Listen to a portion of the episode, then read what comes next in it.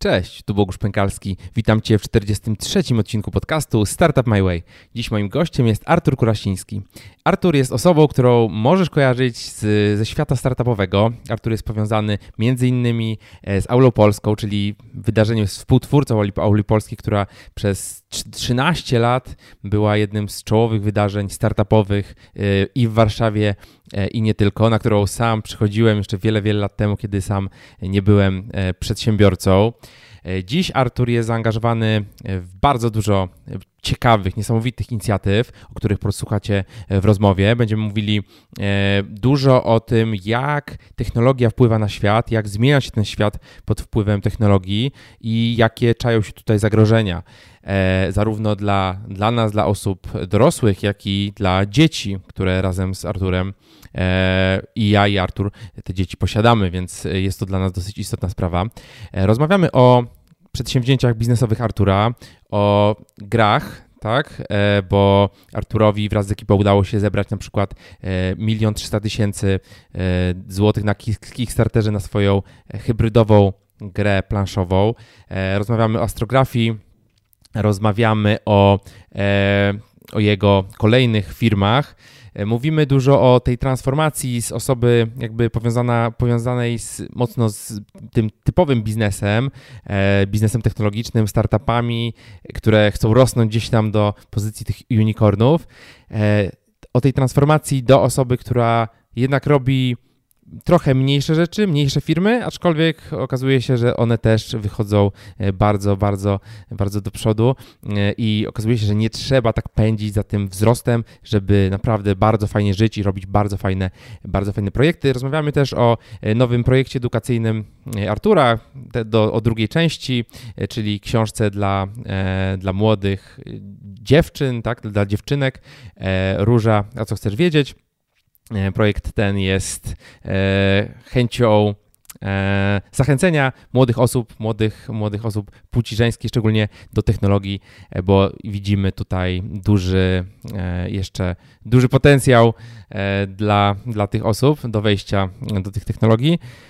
Rozmowa jest naprawdę niesamowita, więc warto, warto posłuchać do końca, szczególnie pod koniec Artur poleca naprawdę dużo różnych ciekawych rzeczy, niekoniecznie związanych z biznesem, jeżeli chodzi o książki, seriale, filmy e, i inne, inne media. E, a jeszcze, zanim zaczniemy, ja Ciebie serdecznie chciałbym zaprosić do Akademii Globalnego Startupu, która rusza już 30 września. E, dostęp do programu będzie możliwy tylko, dołączenie do programu będzie możliwe tylko przez 8 dni, od środy do środy, więc jest mało czasu.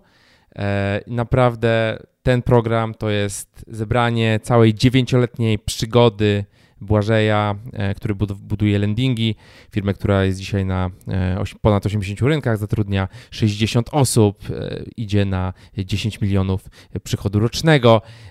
I wszystkie te doświadczenia, które zebrał Błażej przez ostatnie 9 lat, ja opakowałem w formę kursu online 12-tygodniowego, bardzo bogatego, z różnymi bonusami, ze spotkaniami na żywo. Już przed sprzedaży dołączyło 130 osób e, i to naprawdę sporo gwiazd z polskiej, z polskiej, z polskiej sceny.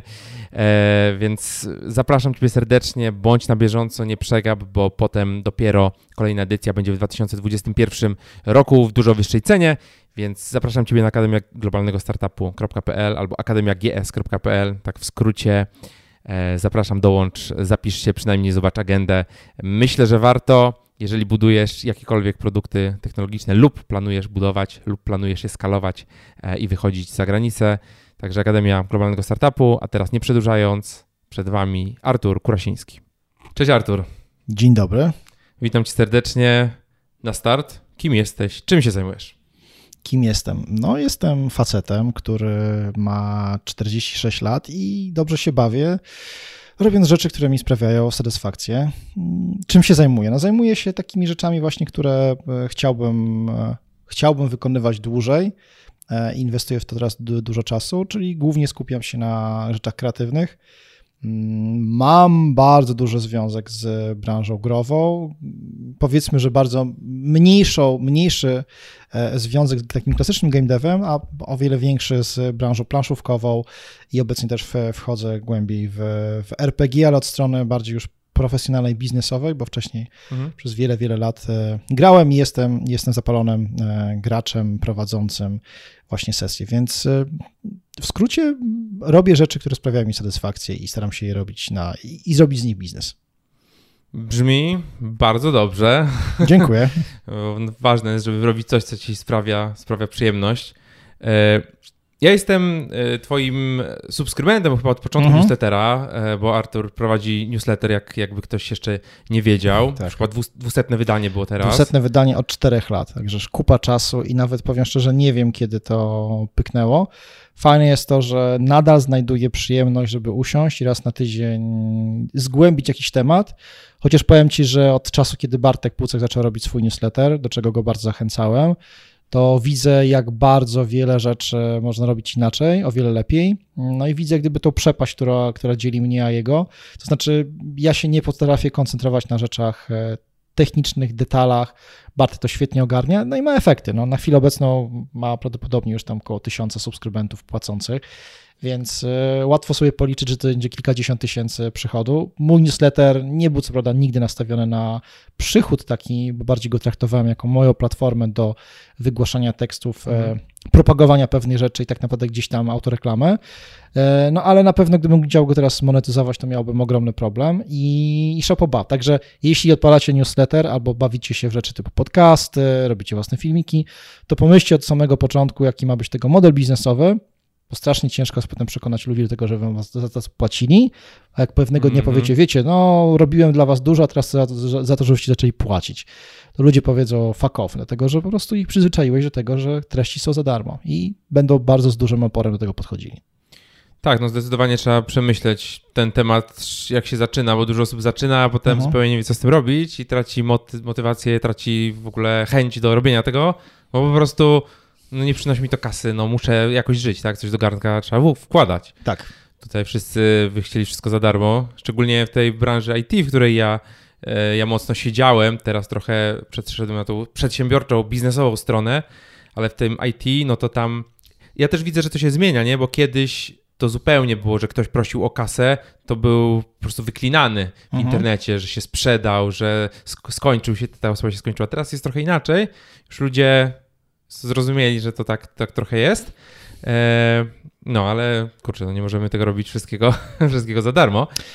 Zgadza się i myślę, że z dużą pomocą przychodzi nam tutaj model subskrypcyjny, który jest bardzo szeroko nawet nie reklamowany, po prostu się rozpowszechnił dzięki tak. między innymi tym największym spółkom jak, jak Google, jak Facebook, no, a Facebook trochę mniej, chociaż próbują, ale na przykład jak Netflix, no bo subskrypcje po prostu zżerają świat, tak jak kiedyś mówił, że software zżera świat, to teraz subskrypcje zżerają świat. SASy to są dwa modele połączone ze sobą, czy właściwie pewna odmiana tego samego modelu, więc jeśli masz coś, co może być w chmurze i dostępne dla każdego, to daj delikatny paywall, tak, za 2, 3, 5 tak. dolarów i powiem Ci, że na przykład jestem mega fanem, jestem turbo fanboyem takich rozwiązań crowdfundingowych, od mniej więcej półtora roku prowadzę na, już właściwie prowadzimy już z dużą grupą osób, prowadzimy na Patreonie, czyli takim anglojęzycznym serwisie, hmm.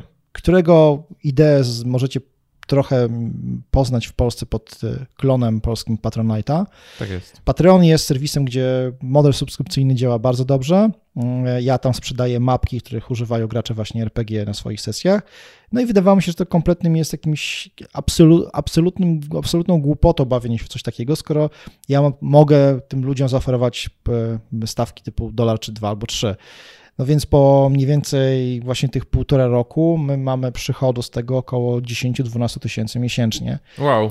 Dlatego, że zebrała się duża grupa osób, dlatego, że dolar to jednak jest dolar i ludzie mają, nie mają problemu z jego wydaniem, mm. dla mhm. nich jest to bardzo niewielka suma, ale w całej swojej masie i w tym całym naszym modelu biznesowym, który oczywiście jest oparty o, no, o to, co Patreon oferuje, okazuje się, że na takiej totalnej głupocie, na niszy w niszy, jeżeli jesteś twórcą, który ma naprawdę coś fajnego, czym się odróżnia od innych twórców, może zarobić całkiem niezłą kasę. Więc y, ja gdyby, jeżeli ktoś mi powie, że ludzie zarabiają, nie wiem, na grawerowaniu podków dla koni, absolutnie uwierzę we wszystko, naprawdę. Jeżeli masz niszę, która jest w miarę głęboka, no to mówię, w moim wypadku to jest 500 płacących osób, to wyobraźmy sobie, że na, na całym świecie takich nisz może było, mogą być tysiące i płacących osób mogą być dziesiątki tysięcy, więc y, absolutnie nie zgodzę się, że żyjemy w najgorszych czasach dla twórców. Zgodzę się z tym. Twórcy nie potrafią i nie umieją korzystać z mediów społecznościowych, czy w ogóle z, nie mają pojęcia o tych modelach biznesowych, mhm. dlatego że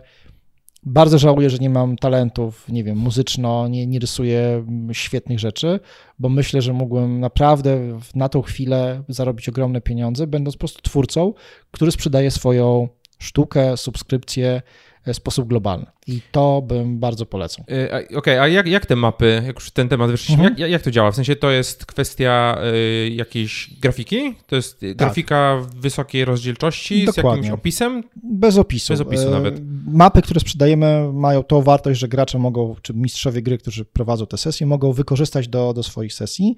E, dajemy plik, duży plik, typu kilku, kilku megabajtowy, który można sobie pobrać.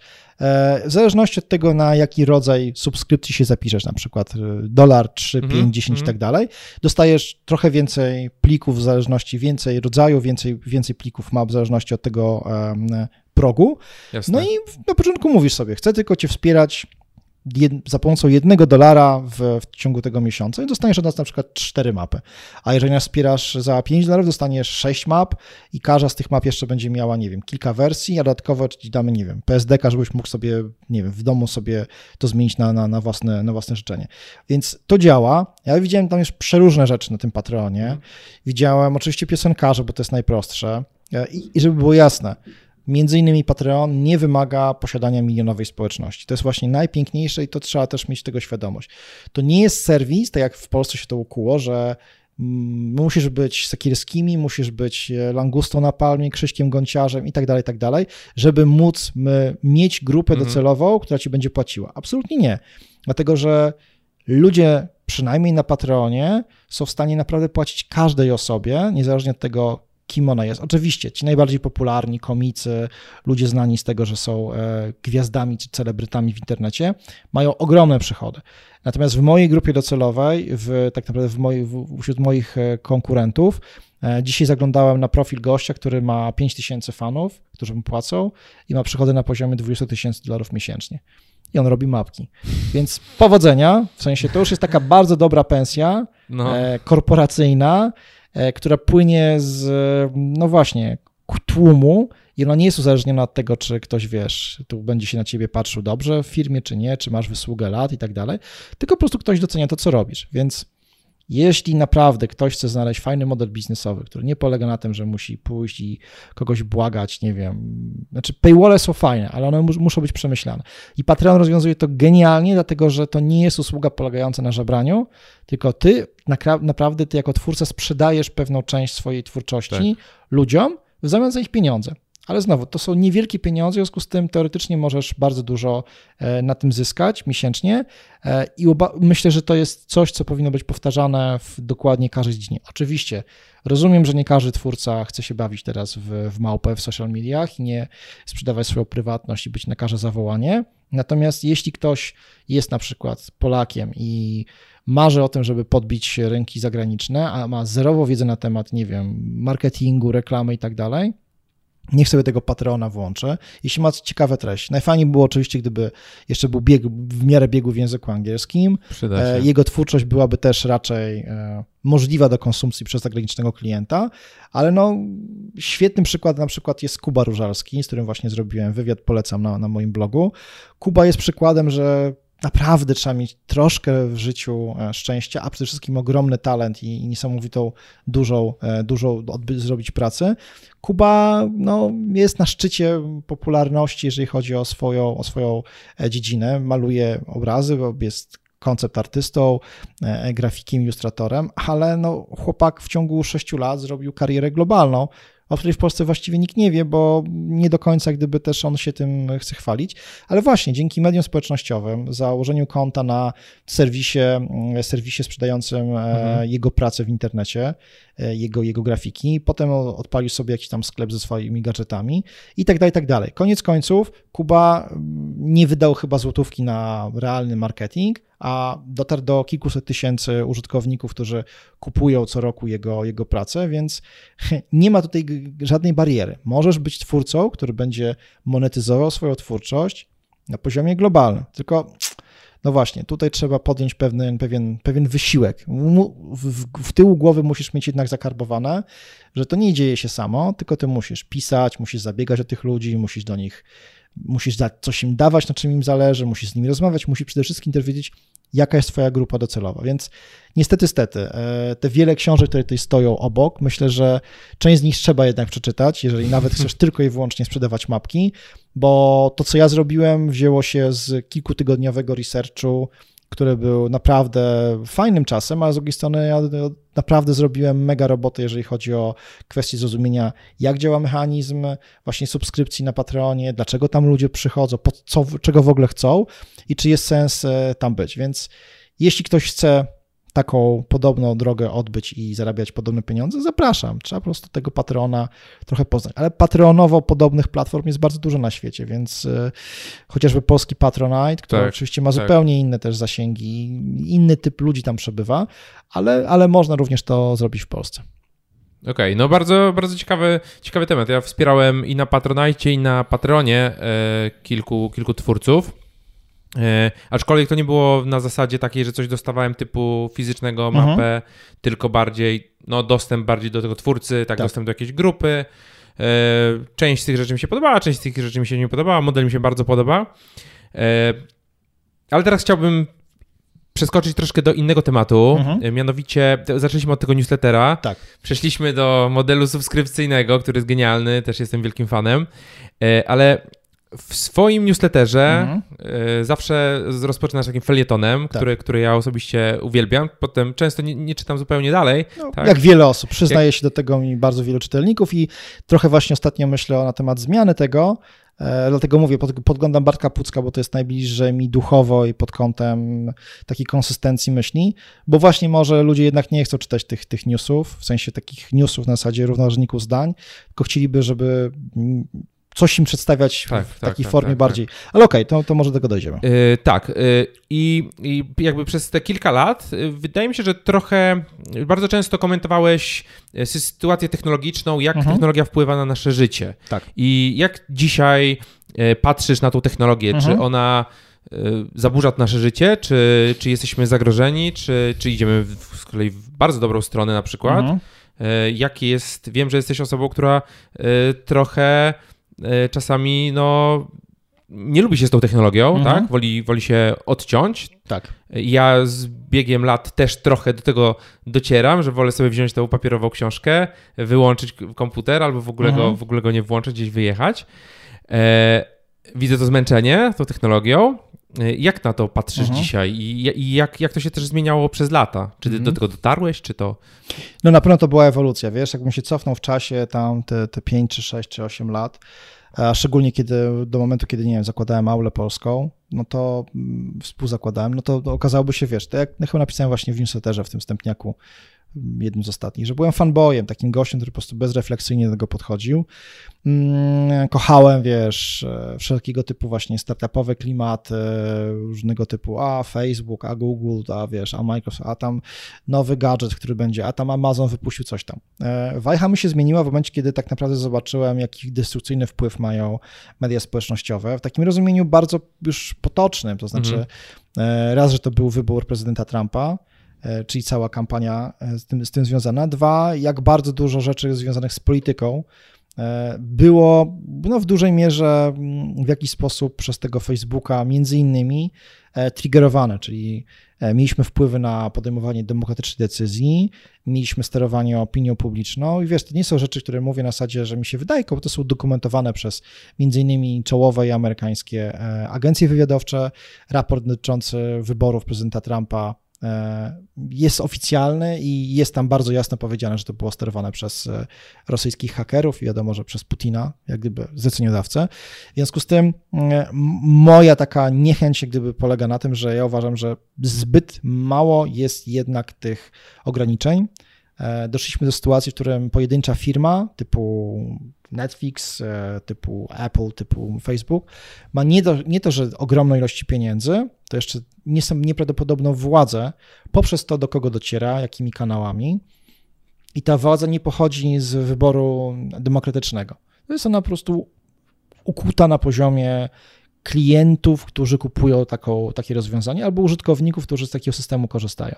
No i to budzi mój, mój niepokój, dlatego że jeżeli my obecnie obserwujemy Facebooka, który ma tam 2, nie wiem, 3, 4, 5 miliardów, 2 miliardy 200, 500 milionów użytkowników, no to coś jest nie halo, to znaczy, że to jest społeczność, która prawdopodobnie za chwilę będzie e, już przekroczyła ilość e, wyznawców chrześcijaństwa na świecie. To jest największy kraj, jakbyśmy popatrzyli na niego, i to takie spokojnie, tak, kilka razy, kilka razy Chiny. E, no i zarządza nim prezes firmy, którego głównym celem jest zarabianie pieniędzy dla udziałowców. Więc nie ma tutaj żadnego mechanizmu, który chroni mnie i ciebie i różnych innych 2,5 miliarda użytkowników, którzy będą mogli wejść na tą platformę i czytać treści bez obawy, że one są zmanipulowane albo służą temu, żeby sprzedać komuś czyjeś, czyjś punkt widzenia albo sprzedać produkt. Ja nie chcę takiej rzeczywistości, dlatego że im więcej widzimy, co się dzieje wokół nas pod kątem wykorzystania technologii, widzimy pęd do tego, żeby nas, e, mówiąc brzydko, e, wykorzystywać za pomocą opisywać nas, e, wykorzystując informacje o nas i te informacje przekuwać w pieniądze. To no, są model... Zmonetyzować nas po Zmonetyzować, prostu. skwantyfikować nasze wybory, decyzje, marzenia, chęci, potrzeby i tak dalej. E, no to jest super fajne, ale wiesz, zabroniliśmy kiedyś reklamy alkoholi w telewizji, zabroniliśmy reklam papierosów w telewizji, dlatego że wiemy, że są skutki uboczne. Mhm. Media społecznościowe, szczególnie Facebook, budowane są na bardzo, ale to bardzo zaawansowanych modelach matematycznych i również naukowych pod kątem psychologii. Mm, to, że postowanie, oglądanie, wchodzenie w interakcję na Facebooku, na Instagramie, na TikToku wiąże się ze strzałami dopaminy, która jest w naszym mózgu wydzielana, to jest e, e, efekt, który nie powstał przypadkiem, tylko to było latami po prostu tworzone w tym celu. Więc efekt końcowy jest taki, że my zaczynamy być takimi małpami, które są przyklejone do tych monitorów, naciskamy te klawisze, nie możemy pójść spać, tylko scrollujemy, scrollujemy ekrany. I to już nie jest e, problem taki, że ktoś tam się nie wysypia, tylko problem jest taki, że po nas to przejmują te zachowania dzieci, ich na przykład samoocena jest automatycznie zaniżana, dlatego że ich całym światem są media społecznościowe. Kiedy, kiedy ja kończyłem szkołę, to było bardzo dawno temu, ale po wyjściu ze szkoły ja nie miałem kontaktu z swoimi kolegami, chyba że ktoś do mnie zadzwonił i umówiliśmy się na wyjście, tak. albo widzieliśmy się na podwórku. A obecnie dzieci żyją w bańkach społecznościowych na WhatsAppie, Messengerach, tam innych TikTokach i one się widzą i komentują. I ty jesteś poddany nieustannej presji oceny. Jeżeli źle się ubrałaś do szkoły, bo nie wiem, mama nie jest na tyle bogata, żeby ci kupić najnowszy dres albo tam fajne buty, no to jesteś y, wyśmiewany. Nie masz iPhone'a, jesteś gorszy. Nie byłeś na wycieczce, nie wrzuciłeś zdjęć na Instagrama z wycieczki tam po Europie, no to jesteś biedakiem i tak dalej. Dzieciaki są okrutne w tym wieku i to jest straszne, że media społecznościowe sprzyjają takim zachowaniom. W związku z tym ja wyrażam niezgodę, głęboką niezgodę na to, co się dzieje na, na zewnątrz. Jednocześnie jestem świadom tego, że żyjemy w cudownym okresie rozwoju cywilizacji ludzkiej i technicznej, pozwalającej nam na osiąganie nieprawdopodobnych rzeczy. Tak?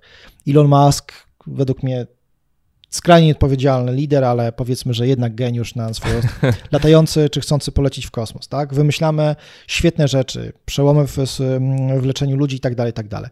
Z drugiej strony, niestety słabość państw, ustawodawstwa, to, że jednak internet, a przede wszystkim nowe technologie stają się nieurog- taką terra incognita, nieuregulowanym obszarem, gdzie bardzo dużo osób robi co chce, no to powoduje, że zaczynamy też mieć taki skręt, który jest bardzo niebezpieczny. Już mieliśmy tego pierwsze próby i niestety wiemy, do czego to może doprowadzić. Bez żadnego, bez żadnego problemu można wykoleić e, urząd prezydenta, premiera, wykoleić urząd parlamentu, czy cały parlament za pomocą skomasowanej akcji na Twitterze czy Facebooku. To się działo, to się będzie, to się będzie działo również w przyszłości, więc boję się tego, że zachuśnięcie się, takie bezrefleksyjne korzystanie spowoduje jakiś, jakąś, jakąś katastrofę. I na szczęście też nie jestem jedyną taką osobą. Mamy też przy okazji tych zmagań z tą technologią obecnie wielki konflikt między dwoma wielkimi ośrodkami tak naprawdę dystrybucji tych technologii, czyli między Ameryką i Chinami. I to jest konflikt esencjonalny, tego, że Chińczycy nie mogą, mają wpisane bardzo głęboko w swoją strategię rozwoju jako państwo, mm. że oni muszą zdominować e, Zachód pod kątem technologicznym. Oczywiście mogą zatrzymać się i być dominantem osoby, podmiotem dominującym w swojej strefie w Azji, ale nie chcą zagrabić cały świat, dlatego że położą wtedy łapę na bardzo dużej ilości rzeczy. I do tej pory mi się to nie udawało, dlatego że nie byli w stanie pod kątem kulturowym zrozumieć, wypracować strategii, przede wszystkim zainteresować nas czymś, co jest dla nas, ludzi z Zachodu, Europejczyków, czymś wartościowym. To im się udało i zaczynają bardzo gwałtownie, to zaczyna przyspieszać. TikTok był tego kamieniem milowym. Serwis, który jest stworzony przez Chińczyków, który jest mega popularny poza granicami Chin, ma swoją wersję lokalną chińską, natomiast problem jest taki, że to jest bardzo głęboko zalgorytmizowany serwis, który nie pozostawia żadnych, nie, tam nie ma moderatorów. On ma wersję hinduską i nikt nie musi tego moderować, ponieważ algorytm jest samouczącym się świetnym organizmem.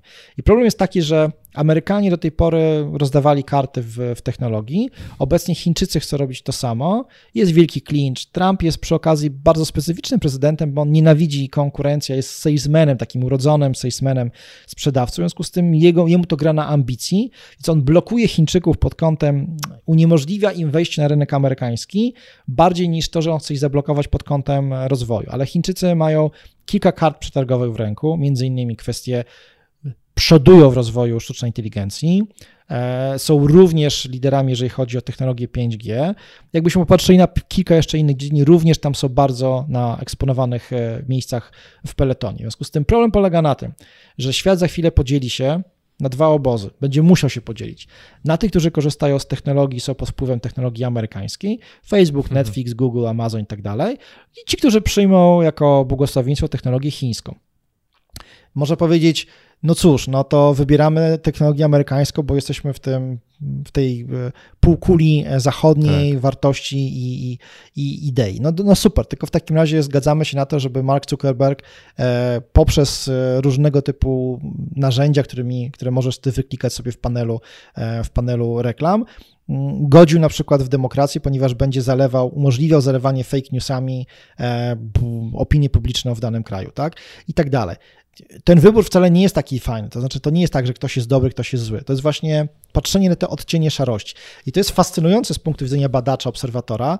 Natomiast wiesz, no, my eksperymentujemy na żywej tkance, tak? My patrzymy, my korzystamy, nasze dzieci z tego też korzystają i całe społeczeństwa, to wszystko zaczyna pływać i być takie nieprawdopodobnie niestabilne, więc Żyjemy w bardzo ciekawych czasach, w bardzo niebezpiecznych też. E, wszystko się może zdarzyć. Jak widzieliśmy, czarne łabędzie pojawiają się z nienacka i nas atakują, i tu już nie chodzi tylko o technologię, tylko między innymi o pandemię. Więc co jeszcze się może zdarzyć, do czego jeszcze możemy doprowadzić, nie wiem. Natomiast moja, e, chciałbym, żebyśmy po prostu pamiętali zawsze o tym, że to, co wymyślamy, każdy nowy wynalazek Amazona i, i, i Google'a, czy też e, Facebooka, na pewno ma za sobą jakąś ciemną, ciemną stronę.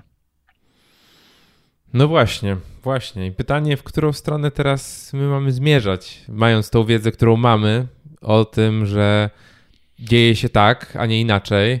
Tak, z jednej strony można się odciąć od wszystkiego, zaszyć się w przysłowiowych bieszczadach.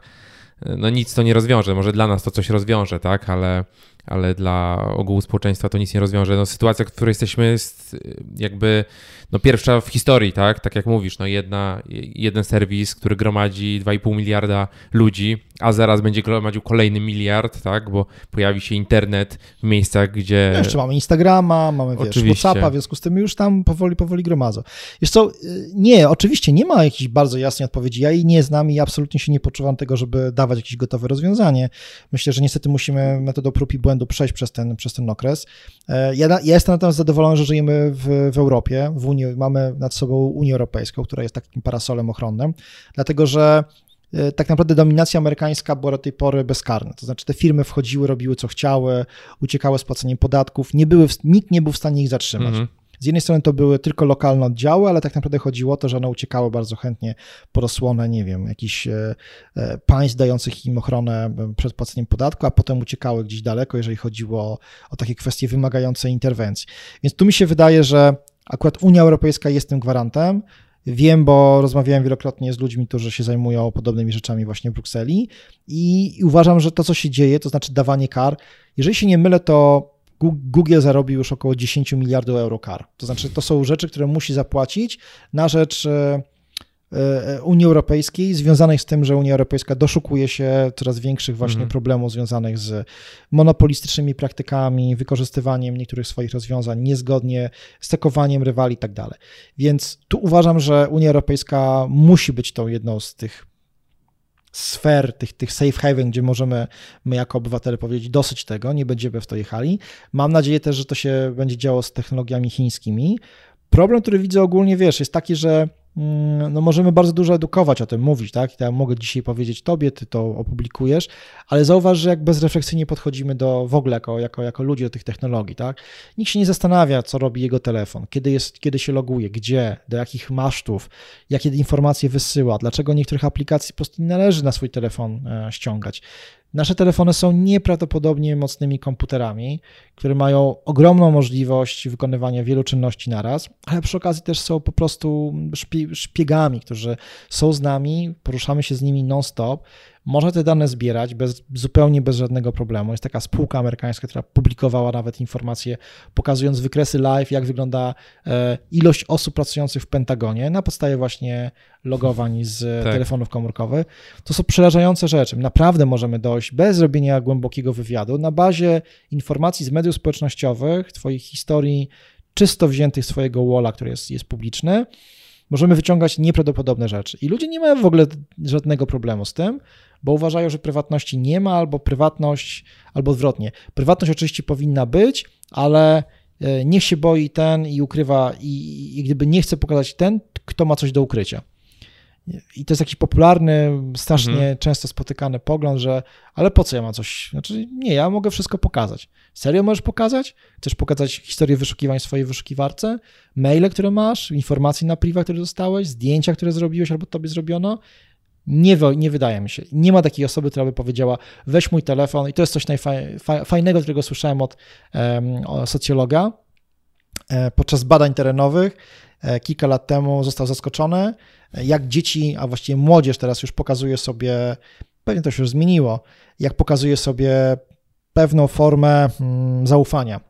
Bierze mhm. się swój telefon, odblokowuje się go i przekazuje drugiej osobie dlatego że to jest twoja największa skarbnica sekretów, tak? Możesz sobie, ktoś może wziąć, pogooglować, popatrzeć to, z kim wymieniał SMS-y, mhm. na twój temat, za twoimi plecami i tak dalej. Więc to pokazuje, a, a, tu w tym telefonie żyją te wszystkie aplikacje, tak? Nie bez kozery mówi się, że, że rząd chiński panuje nad, nad internetem, bo tak jest, że panuje nad wszystkimi firmami. Absolutnie uważam, że trzeba zakładać w ciemno, że każda duża firma chińska, która działa szczególnie poza granicami e, kraju, poza granicami e, chińskiej partii komunistycznej, jest firmą, która ma możliwość bycia kontrolowaną, bo to jest podstawa wypuszczenia takich firm za granicę. I oczywiście ja się zgodzę, że Huawei będzie kluczył i parę jeszcze innych firm i TikTok będzie udowadniał, że, że nie, że nie, ale umówmy się, tak samo jak firmy amerykańskie, które po 11 września są skazane na współpracę z wywiadem amerykańskim, należą do organizacji, która po prostu zbiera od nich, zbiera od nich dane, dlatego że nie ma, nie ma po co budować bypassować tych Facebooków i Google'ów, po prostu trzeba do nich wejść. Jeżeli masz podejrzenie, że ma, one mają informacje, które tobie są potrzebne w celach wywiadowczych, tak. śledztwa wewnętrznego, to przedstawiasz kwitek i otrzymujesz. To jest, to jest tak zwany Patriot Act. Ustawa, która tobie jako organizacji, jako rządowi daje dojść do wszystkich po prostu danych, które te firmy składują. I nie ma bata, że ta firma jest globalna. Ona musi te informacje ci przekazać. Jest to łamanie praw naszych użytkowników, ale no znowu, czy, czy logując się na Facebooka pamięta, żebyś zaznaczał, klikał e, planszę RODO? Kiedykolwiek? Nie, dlatego że ta firma przeniosła dane i wyniosła te serwery. I tak się właśnie obchodzi te wszystkie regulacje. Amerykanie się śmiali na początku z tego, dla nich jest kompletnie niezrozumiałe, jakim cudem my, Europejczycy, dajemy sobie nałożyć taki kaganiec na naszą prywatność. Mhm. Dlaczego ktoś ma decydować o tym, czy ja coś widzę, czy nie? A właśnie to jest zupełnie inne podejście do prawa do, i do robienia biznesu. W Europie tak jest, my sobie ufamy, ale chcemy też, żeby te duże organizacje były w pewien sposób już na początku gdzieś tam ustawione, ustawione w kącie. W Ameryce biznes i kasa powoduje, że po prostu masz nieprawdopodobną możliwość robienia czegoś na ogromną skalę. W Stanach możesz kupić dane ludzi, którzy są pedofilami i sobie zrobić z tego mashup mapy Google'a i pokazać to na bazie własnej miejscowości, tak? W, możesz kupić ogromne ilości informacji i Amerykanie traktują to po prostu jako towar, tak? W Europie jednak przede wszystkim patrzymy na to, że człowiek ma potrzebę prywatności i nie do końca się zgadzamy z takim drapieżnym sposobem budowania biznesu. Więc te różnice będą bardzo widoczne. Ameryka, Europa, Chiny, no reszta świata, ale to są takie trzy ośrodki teraz liczące się na mapie technologicznej mapie świata. No właśnie i e, czy możemy uznać za masowe, masowe e, broń masowego rażenia, czy masowej zagłady dzisiaj internet, tak, a nie e, nie, broń nuklearna na broń przykład, nuklearna. tak? No oczywiście, wiesz, jak popatrzy się na to, co, co może zrobić za jaką, za jaką e, sumę pieniędzy, no to, to no, żeby wygrać wybory w Polsce potrzebujesz e, kilku milionów złotych. To już mówię o wyborach prezydenckich. Jeśli chodzi o bycie senatorem, to potrzebujesz prawdopodobnie około kilkuset tysięcy złotych, żeby się senatorem stać. Ja mówię o wsparciu oczywiście, bo, bo nie zakładam, że każda, cała kampania będzie realizowana w oparciu tylko o internet, ale to jest ta skala no to wyobraź sobie, że chcesz doprowadzić do sytuacji, że wiesz, że w następnych wyborach będą wybrani ludzie, jakaś partia, która na przykład ma bardzo anty właśnie takie amerykańskie e, poglądy i nie chcesz, żeby oni weszli do... Nie, nie dlatego, że to jest, robisz jako mhm. Facebook, ty po prostu robisz to jako firma czy lo, lobbyści, którym się nie podoba to, że nie, nie będą mogli na przykład sprzedawać reklam na Facebooku, tak? Więc to nie jesteś w stanie sprawdzić, tak? Próbowano oznaczać reklamę, Facebook niby za to karze i tak dalej, ale nadal podczas kampanii prezydenta, prezydenckiej, w, kiedy Trump startował na urząd prezydenta, Rosjanie płacili rublami za fake newsy, które Facebook wyświetlał. Potem się zorientowano, że te konta przekazywały bardzo złe informacje. To było już kiedy mleko się rozlało, więc ja uważam, że po prostu powinniśmy, wiedząc, co może się potencjalnie wydarzyć, absolutnie nie wierzyć w zapewnienia dużych organizacji, że panują, że wiedzą, że potrafią, że nie chcą robić zła, don't be evil, wiesz, don't be greedy i tak dalej, dlatego, że to są firmy, które ze, ze swoimi pracami potrafią dogadać się z chińskim rządem. Jeżeli tylko tam widzą możliwość współpracy, e, pracują nad broniami chińskimi, e, sprzedają swoją technologię również do, do, do wojska, oczywiście tylko amerykańskiego, ale potem się nagle okazuje, że te technologie są sprzedawane dalej, więc ja nie mam w ogóle złudzeń kapitalizm jest w pewnym sensie złym systemem pod tym kątem, że właśnie są możliwe takie wypaczenia, że masz ogromną asymetrię i z tym bym chciał walczyć. Kapitalizmu ja nie uważam za zły system. Oczywiście można tutaj próbować kontrolować i gdyby tłumaczyć, dlaczego inne formy ekonomii, czy też systemów e, ekonomicznych są, są, są fajniejsze. Niemniej jednak od ładnych kilkuset lat w tych częściach świata, które są no, w miarę stabilne albo inaczej i rozwijają się, to kapitalizm to siłą napędową. Ja wiem, że to jest system, który ma ogromną ilość problemów i, i sami w Polsce z tego jesteśmy doskonałym przykładem, patrząc, co się zadziało po 1989 roku. Natomiast nikt jeszcze innego lepszego nie wymyślił. Więc ja bym chciał, żeby temu kapitalizmowi nałożono kaganiec, to jest jedna rzecz. Druga, żeby za tym poszły też różnego typu usprawnienia pod kątem prawnym, dające państwom, a też dużym organizacjom takim jak Narody Zjednoczone, jak właśnie Unia Europejska, możliwość hamowania rozpędu tych, tych firm. Bo wiesz, e, jak czytasz sobie, że w sumie to Facebook może zrobić swoimi danymi wszystko, że ty podpisując, e, czy wchodząc na Facebooka, zgadzając się na regulamin, oddajesz prawa do wszystkiego i ktoś może wypuścić za chwilę reklamę z twoją twarzą, bo, bo to są zdjęcia, które rzuciłeś na Facebooka, to trochę to cię, to cię mrozi, tak? bo ty uważasz, że to jest twoje, tak? że prawo autorskie tak, i tak, tak, dalej. No niestety, nikt cię nie przebije przez te wszystkie terms of services serwisu, bo to jest językiem hermetycznym, prawnym Oczywiście. napisane i bardzo długie. Ty już chcesz klikać i mieć te swoje emoji i tam, wiesz, gify wysyłać do znajomych. Więc koniec końców e, ktoś za nas musi to odwalić. I tutaj znowu powtórzę, nie może być takiej sytuacji, w której duży koncern amerykański, chiński, jakikolwiek ma przewagę, jest ta asymetria, dlatego że on jest, pozostaje poza jurysdykcją państwa, jemu nic nie może zrobić, nie jest wybierany przez, przez ludzi w procesie demokratycznym, a jednocześnie ma moc o wiele większą niż parlamenty, prezydenci i premierzy danego kraju. To jest coś chorego. Ekosystem startupowy. Okej. Okay. Zmieniając odrobinę, tak. odrobinę temat. W Polsce. E, w Polsce. Mhm. E, kolejna taka puszka Pandory trochę. e, właśnie ty byłeś kiedyś fanboyem, siedziałeś tak. w tym bardzo, bardzo mocno. I od jakiegoś czasu też jakby zmieniłeś, zmieniłeś troszkę poglądy odnośnie tych, tych polskich startupów. Jak, jak, dzisiaj, jak dzisiaj na to patrzysz? Wiesz co, moje poglądy po pierwsze związane są z moimi przeżyciami e, prywatnymi. Mam bardzo negatywną opinię na temat polskiego systemu inwestycyjnego, pomocy państwa, tego, co z tymi pieniędzmi jest robione. Od zarania dzieju, to znaczy od pierwszych programów parpowskich, od, od 3 jedynek, 8 jedynek i tak dalej. Obecnie widzę taki problem, że nie, nie jestem w stanie przekonać się wewnętrznie, a nadmienię tylko, że jestem współtwórcą Auli Polskiej, gdzie mniej więcej od prawie tam 14-15 lat wspieramy ten ekosystem. E, Kiedy się Aula zaczęła? W 2007 roku, czy to będzie 13 wow. lat? Tak, tak, bardzo dawno temu zanim wiesz, jeszcze właściwie wszystko wybuchło, social media i tak dalej, naprawdę wtedy wiesz, myśmy bardziej byli przedsiębiorcami niż takimi wynalazcami i wiesz, i wariatami, którzy tworzą jakieś serwery i tak dalej. Tak, tak. Ale, ale aula od zarania była bardzo silnie związana właśnie z przedsiębiorczością technologiczną, tak sobie ukuliśmy taki termin. Tak, jeszcze, jeszcze na Politechnice jakby, jak, jak była, to chodziłem jeszcze gdzieś tam bardzo, tak, bardzo dawno temu to było. E, ulica Świętego Boboli, tak. mechatronika, Wydział Mechatroniki. Tak, tak, bardzo tak. dziękujemy ludziom. Wypchana aula cała. super, super były te czasy. Oczywiście wtedy przede wszystkim miło się spędzało czas, było, było, była pizza. Natomiast wiesz tak. co, e, od bardzo długiego okresu czasu widzę, że ten system po prostu jest e, no, po prostu zły. To znaczy system w rozumieniu. Dawanie pieniędzy państwowych czytaj, pieniędzy z Unii Europejskiej, przeznaczenie na innowacje, w tym sensie, że decydują o tym urzędnicy, tworzą do tego programy, dają to ludziom, którzy mają zerową wiedzę biznesową tak naprawdę, mhm. mm, a jeszcze to jest dokonywane przez podmioty typu spółki inwestycyjne, które również są tworzone przez ludzi, którzy dobrze wypełnili te wnioski. Bo umówmy się, że w 2020 roku nadal w Polsce jest bardzo mało ludzi, którzy znają się na inwestowaniu w w technologię, w, e, w startupy, czyli takie spółki, które mają szybko rosnąć, dlatego że no, na Boga, proszę mi pokazać fundusz inwestycyjny, e, polski fundusz inwestycyjny z pieniędzmi prywatnymi, który osiągnął sukces ze świecą go szukać. Jest kilka, ale one nie działają w taki sposób prosty mhm. i to nie jest tak łatwo wskazać, że to wiesz, zainwestowaliśmy w jeden startup i to już poszło.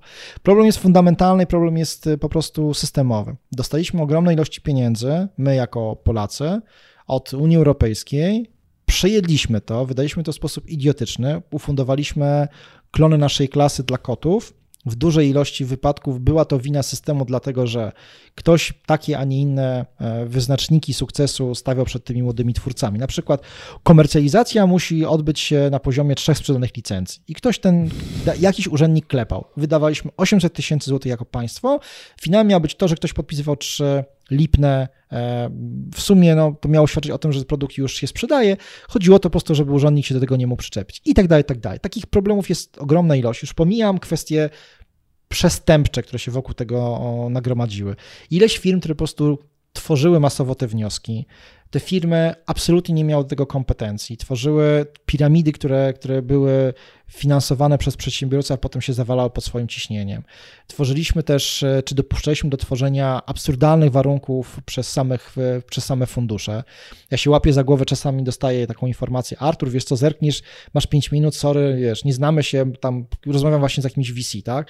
I wiesz, i o ile mogę się śmiać z tego, że ktoś jest niedojrzałym przedsiębiorcą mm. i mu współczuć, o tyle, jeżeli ktoś jest sukinsynem kanali po prostu i przestępcą, dającym właściwie pod pozorem inwestycji sprzedającym ci bombę zegarową, która wybucha ci w twarz, bo tak trzeba nazwać takie zapisy, które na przykład pozwalają funduszowi odwołać cały zarząd, lub też po niespełnieniu wyników finansowych albo tam wyznaczonego progu, tak, jakiegoś milestone, jak się to ładnie nazywa, fundusz ma prawo zażądać 90 prawie tam 5% e, akcji e, udziału w tej firmie. No na Boga, to, to prawda, a mafia czasami ma lepsze serce, w sensie nie, oszu nie, nie oszukujmy się.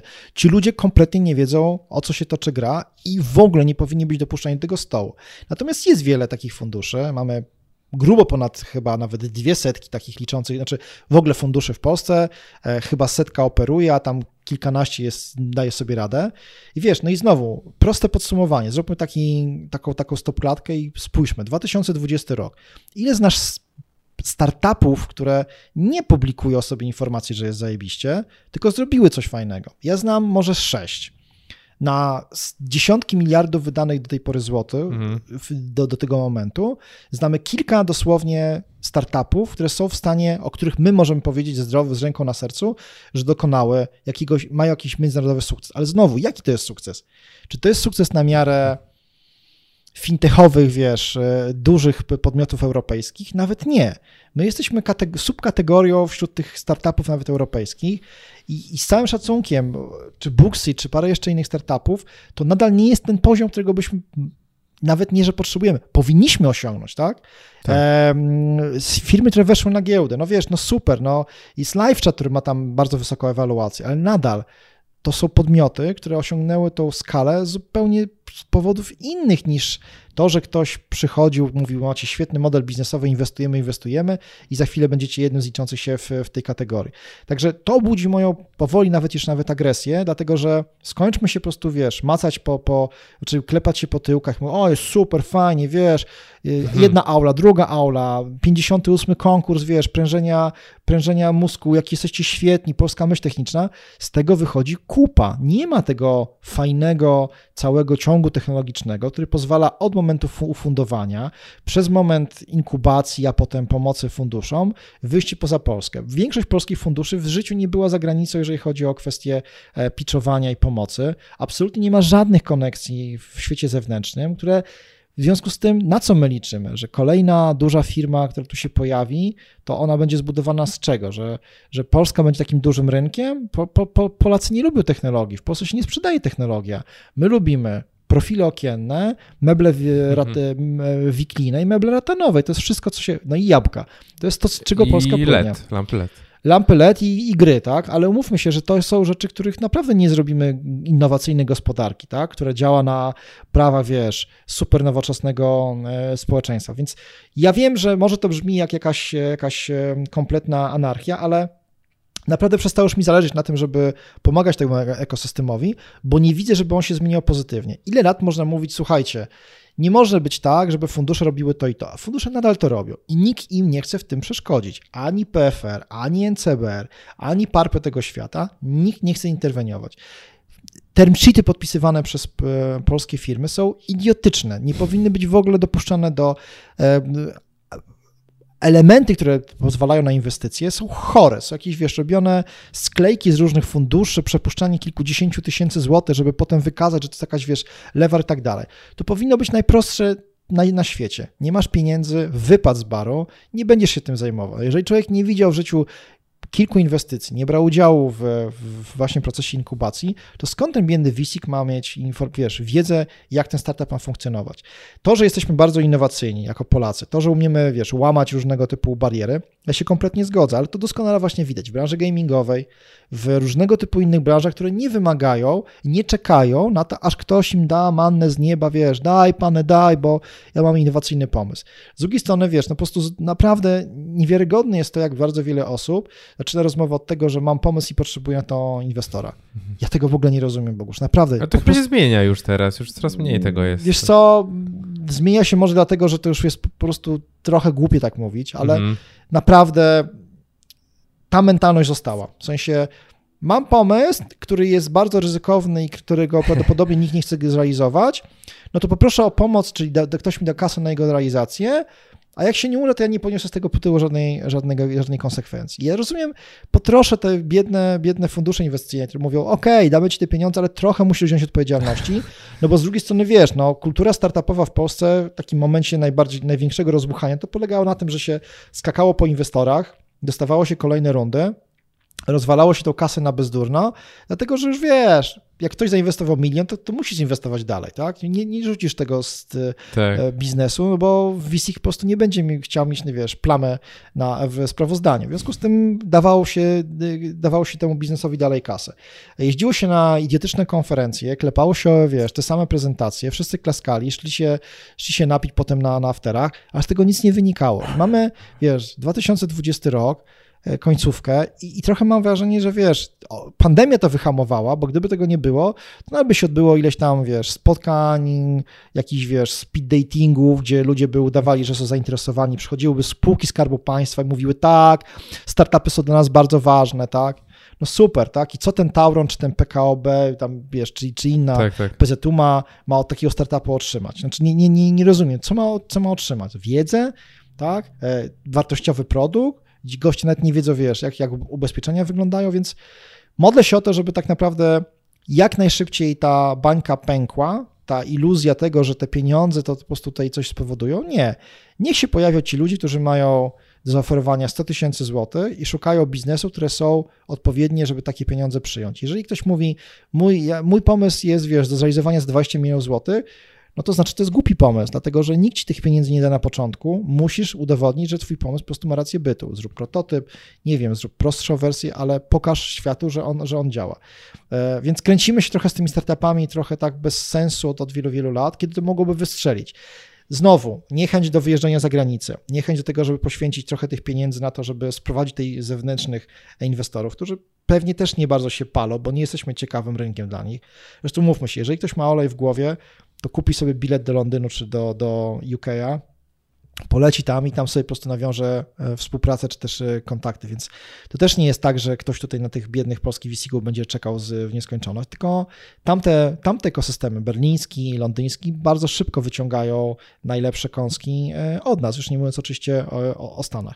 Także, żeby to dobrze wybrzmiało, ja nie jestem, wiesz, antynastawiony do startupów polskich, tylko mam wkurz taki wewnętrzny i zaczynam coraz bardziej być na to mm, uwrażliwione, że pomimo całej pomocy, bardzo dużej ilości organizacji, ogromnej ilości kasy została wyłożona, jesteśmy gdzie jesteśmy, bo naprawdę moje oczekiwania są zupełnie różne i patrzę chociażby na to z perspektywy Łotwy, Rumunii, ościennych państw żyjących również eks-komunistycznym bloku, które trochę inaczej to e, zrobiły i mają lepsze efekty niż my, którzy wiesz, cały czas mówimy na jednym tchu, jednorożce to Allegro i CD Projekt Red. Rane boskie, 20 lat temu, halo, dawno i nieprawda.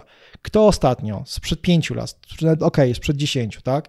Mamy kilka fajnych podmiotów, które naprawdę celują, mają super fajne rzeczy z, związane z kryptowalutami, których nienawidzę, ale muszę przyznać, że są, e, bardziej z blockchainem, z właśnie takie spółki jak Booksy, e, tylko meblarska, tak, bardzo wiele spółek związanych z AI-em, natomiast Albo sobie dajemy spokój, mówimy, nie potrafimy tych rzeczy robić, bierzmy sobie amerykańskich sprzedawców, a my to będziemy robili technologię, no albo zróbmy coś takiego fundamentalnego, bo to jest też pytanie, co te spółki chcą osiągnąć, tak? Mi na przykład już kompletnie nie chce się robić podmiotu, który ma być warty miliardy złotych, bo to jest ogromna, długa droga i trzeba mieć kupę szczęścia, przy okazji jeszcze być trochę w innym wieku, żeby móc inwestować to czas. Ja jestem stabilnym e, ojcem i, i, i mężem, w tym sensie, że po prostu mam swoje obowiązki. Nie stać mi na pracowanie 16 godzin na dobę. W związku z tym nie rzuca się wir tworzenia super nowego, innowacyjnego tak. biznesu, ale 20-latek przyjmuje na przykład taki czas jeszcze ma, mam mniej zobowiązań. Ale to wszystko kurczę musi do czegoś dążyć. Ja po prostu mam taką perspektywę, że jak patrzę na te wszystkie startupowe e, media, wiesz, e, grupy dyskusyjne, to taki okej, okay, mam jakiś pomysł, ktoś da na to kasę, dostaniemy jakąś nagrodę, potem ktoś nas, wiesz, tutaj wyróżni, opisze nas antyweb, kuras coś tam walnie na fejsie, no i tak, wiesz, będzie miło i ciepełko, tak?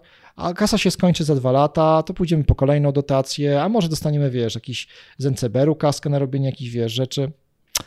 No nie do końca to mi pasuje, w związku z tym ja staram się być realistą, slash jestem jednak dużym krytykiem tego systemu, bo zaczynam widzieć ogromny problem, że ten model po prostu nie działa. Czego nam brakuje w takim razie? Czy to jest wina founderów polskich, e, ludzi, którzy mają po prostu za zbyt słabe pomysły? No bo umówmy się, no jeżeli ktoś chce robić coś według statystyk, no ten, e, te osoby, które mają faktycznie sukcesy w budowaniu startupów mhm. za granicą, to jest 45-55 lat, nie? Mhm. Oni już mieli ich tych porażek. Nie? Tam ten system mm, troszeczkę wcześniej Wiesz co, ruszył. Mam ogromny problem z porównywaniem systemu chociażby amerykańskiego, dlatego że Dolina Krzemowa, Amerykanie w ogóle działają, mają inny mental. To po prostu trzeba sobie jasno powiedzieć. Oni są pozytywnie naiwni, oni są. Ja wiem, że to też brzmi tak ze strony gościa, który tam był przez kilka miesięcy, ale naprawdę jak się pojedzie tam i się pogada z ludźmi w San Francisco, w, w, w, Nowym Jorku, to się nagle okazuje, że po prostu wszystko możesz. Naprawdę, kurczę, wszystko możesz. I nie ma granic. Nie mhm. dlatego, że ktoś ci da pieniądze. Po prostu mówisz, hej, ja bym chciał zrobić to i to. Wizytówka, spotkanie i się robi. W Polsce zawsze ktoś ci, coś ci położy, wiesz, wsadzi nogę tam, patyk w szprychę albo ci po prostu, wiesz, podłoży świnie. Problem jest po pierwsze w mentalności. U nas jest ogromna konkurencja ta negatywna. Nie, on chce coś zrobić innowacyjnego, trzeba go ściągnąć w dół. Po pierwsze, po drugie, nie, ja nie widzę, że to jest problem startupów czy funderów, dlatego że rolą VC i rynku jest po prostu ich ucinanie. To znaczy, jest to głupi pomysł, wyrzucamy go za drzwi i koncentrujemy się na innym. W Polsce jest za dużo pieniędzy, które są wydawane, jest nakaz wydawania pieniędzy, w związku z tym funduje się identyczne startupy. I z tego mhm. żyją fundusze, że mają ten swój procent na obsługę. No i wiesz, jakbyś dostał 20 milionów złotych, i twoim zadaniem byłoby inwestowanie tego, ale ty nie ponosisz za to żadnej odpowiedzialności, dlatego że przecież 9 na 10 startupów upadnie. Stary, to jest najlepsza fucha na świecie. Oczywiście, masa problemów, bo trzeba wypełnić tam, wiesz, ale to się przerzuca na startupy.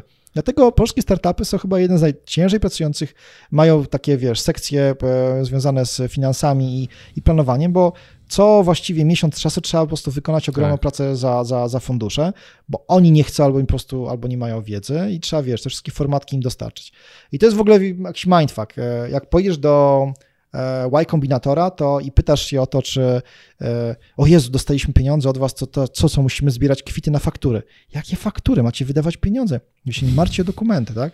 To jest taka, wiesz, jedna wielka, mhm. wielka różnica. Więc wracając do twojego pytania, uważam, że fundamentalna zmiana, która musi nastąpić, to jest kwestia dojrzałości rynku i może to musi, te bóle muszą się jeszcze wydarzyć przez kilka lat, ale niestety nie widzę ani pod kątem fajności funduszy polskich, serio, nie widzę. Znaczy, jasne, jest kilka fajnych, e, patrzę na chłopaków z MOC, patrzę na chłopaków z Innovo, patrzę na chłopaków e, i dziewczyny z, z Innovation Nest, natomiast wiesz, jak popatrzysz sobie na masę, taki kaset mhm. firm, które mówią o sobie, że są VC-kami, to jest dramat, to jest naprawdę taki europejski dramat zero dużych sukcesów, jakieś tam exity, wiesz, na poziomie kilku, kilkunastu milionów złotych. To, są, to, jest, to jest pocket money, tak? To nawet na zachodzie nie łapie się w kategorię mikrofunduszu czy nanofunduszu.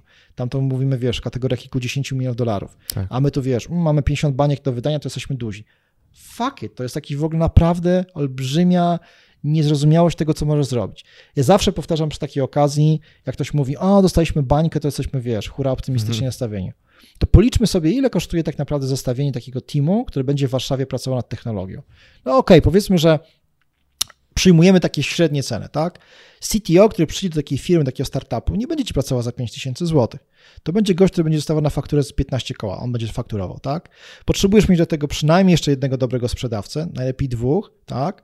Na kilku koderów, jakiegoś gościa, który będzie tym zarządzał pod kątem ciebie może, tak, albo musisz sobie wynająć, to w sumie ci wychodzi, że ty miesięcznie będziesz przepala 60-80 tysięcy złotych.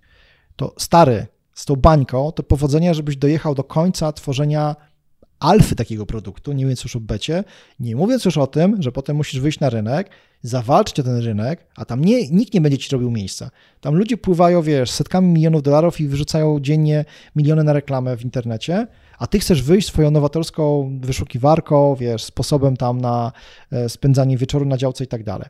No fucking way, to się nie wydarzy. Tych pieniędzy nie ma. A z drugiej strony tak jest polski rynek zbudowane, że ten milion jest granicą. Oczywiście może dostać więcej, ale to już są mieszane pomysły, jak te pieniądze dystrybuować. W związku z tym mamy za małe etykiety, jeżeli chodzi o VC-ków, za mało wiedzy jako rynek cały. Poza tym to, co popełniamy, to jest taki najbardziej frustrujący błąd. My cały czas myślimy kategoriami Polska, Polska, Polska, tak?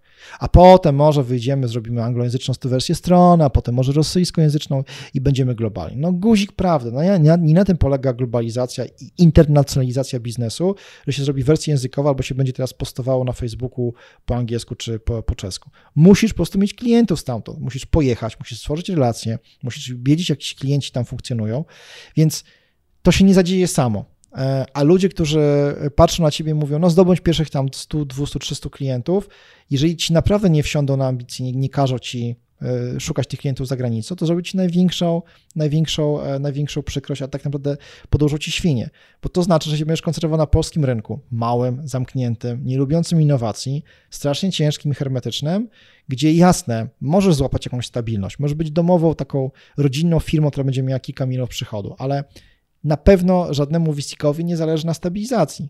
Kasa od wisików ma być twoją, twoją e, adrenaliną, ma być po prostu, wiesz, czymś, co cię wyrzuci w kosmos. W związku tak. z tym mieszanie tych modeli, dawanie małej ilości pieniędzy, oczekiwanie mega wzrostów i to jeszcze globalnie za milion złotych, to jest dla mnie coś, co po prostu mi rozwala głowę, kiedykolwiek słyszę właśnie na, wszystkich, na różnych konferencjach, wiesz, chwalimy się efektami. To nie są żadne efekty, to jest i tak cieszmy się, że mamy to, co mamy. No to jeżeli z bańką nigdzie nie dojdziemy, to idąc dalej, bootstrapując się, mhm. to w ogóle nigdzie nie dojdziemy. A tu właśnie, no właśnie, a tu uważam, że absolutnie da się e, i bardzo głęboko wierzę w crowdfunding.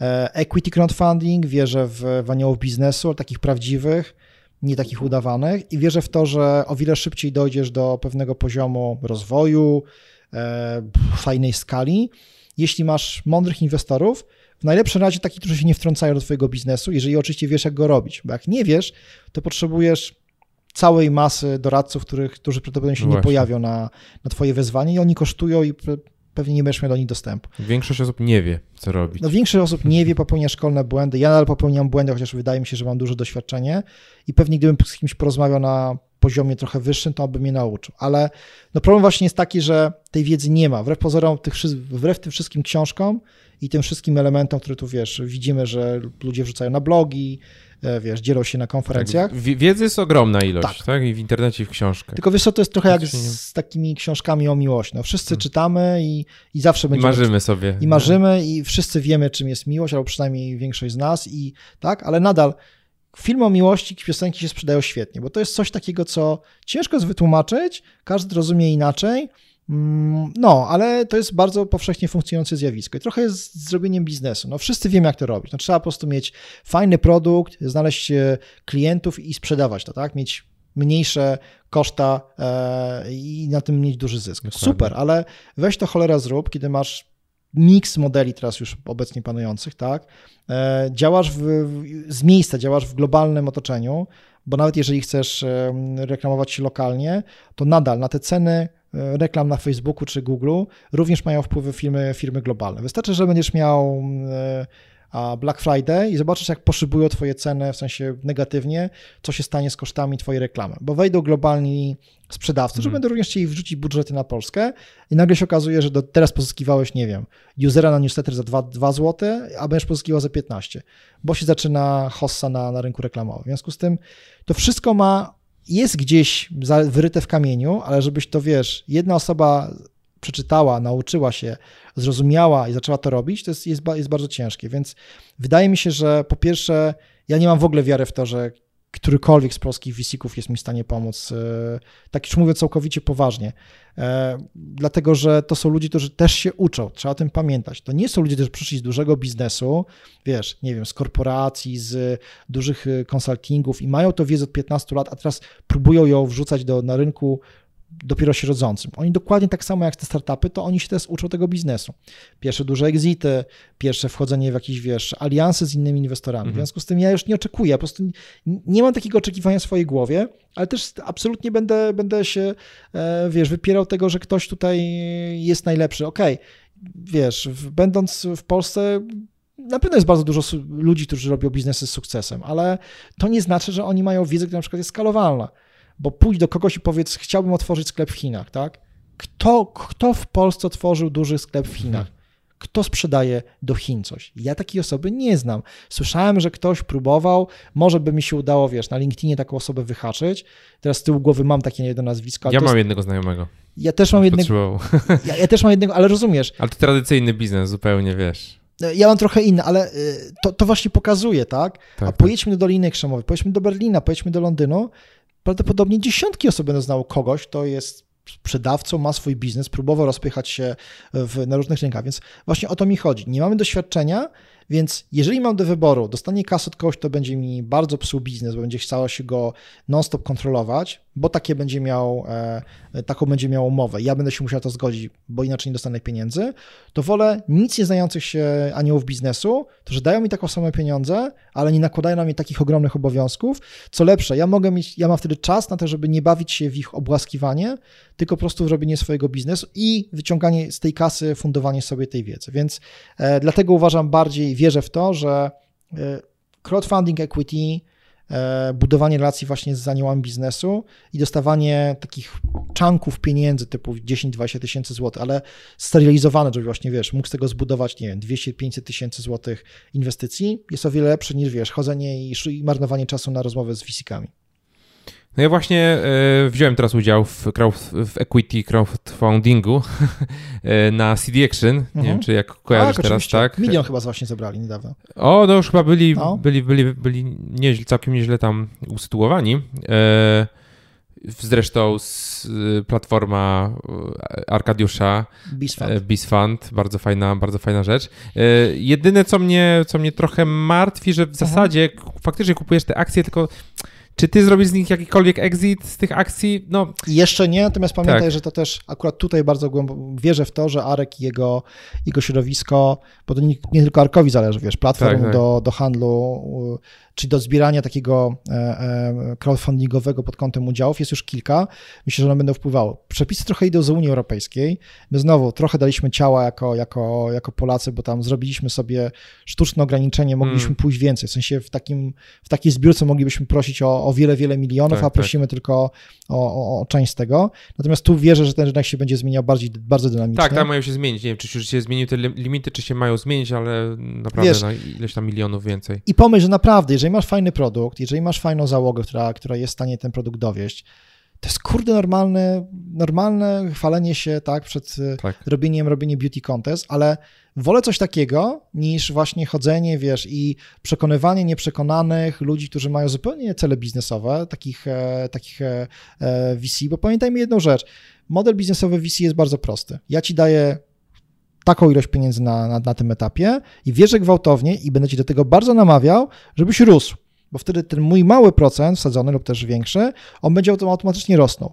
Rósł. I w, przy kolejnej inwestycji ktoś, to przyjdzie kolejny jako kolejny inwestor, dorzuci więcej kasy i ta, ten biznes będzie się automatycznie e, e, rozszerzał.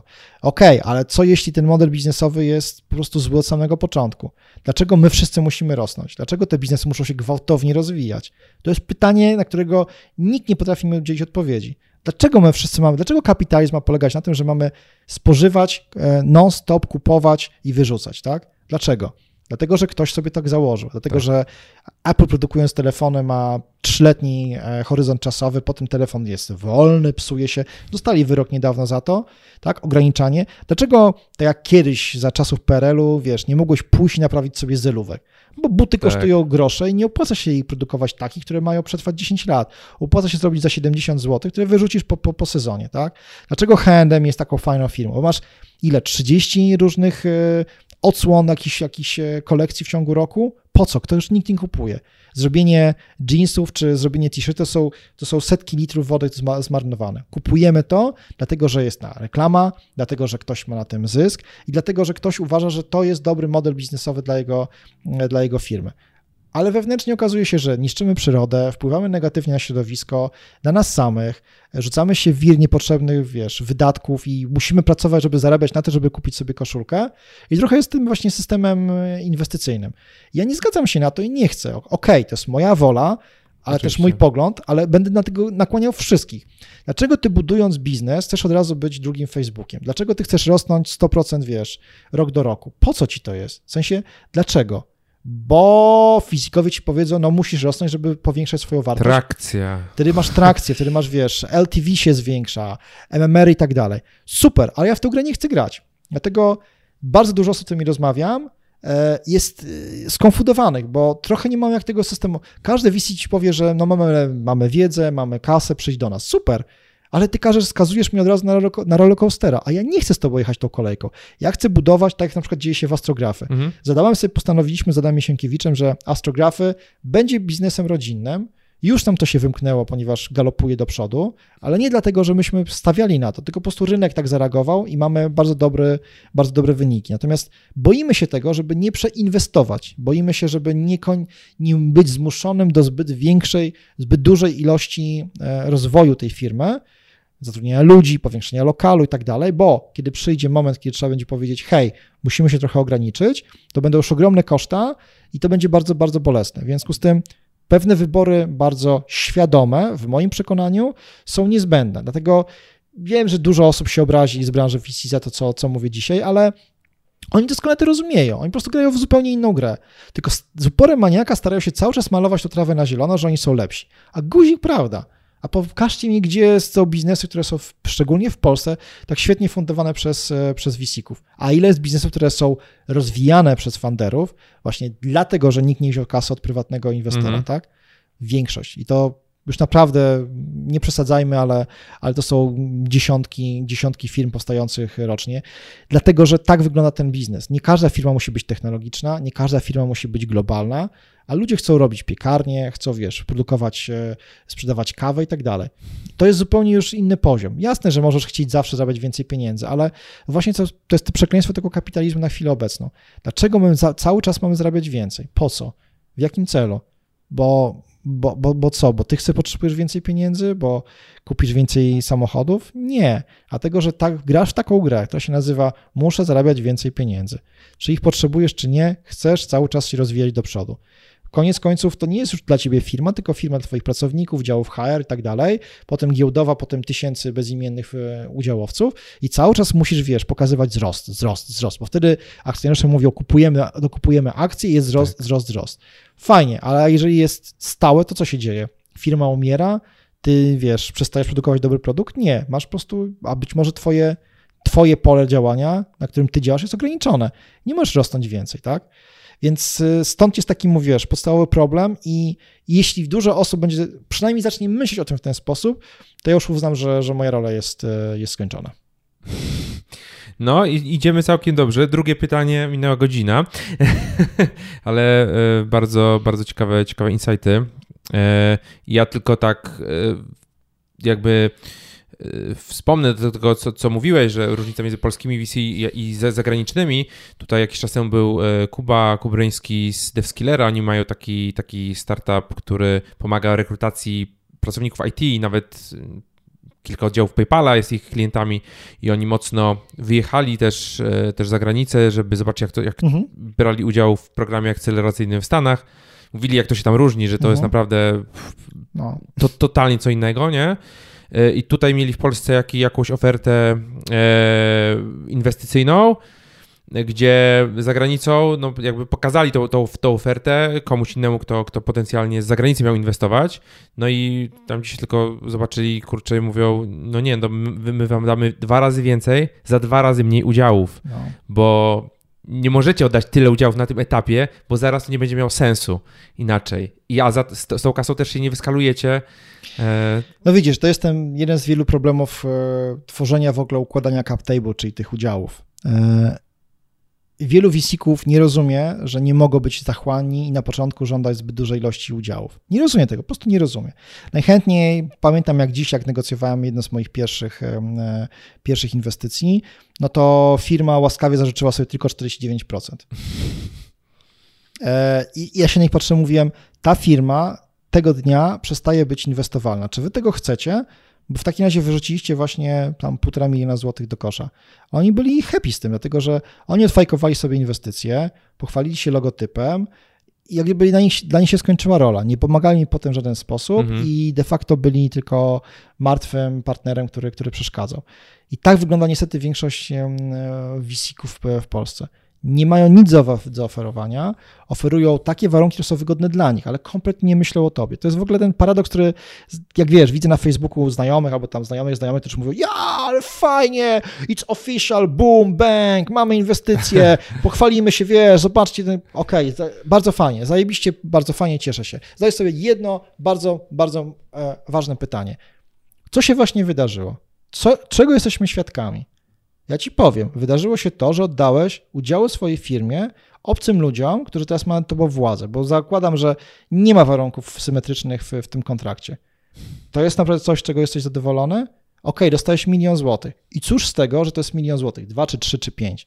Skoro te pieniądze nic ci nie dają, poza tym, że ty musisz je odrobić, bo to jest pożyczka. Inwestycja jest pożyczką.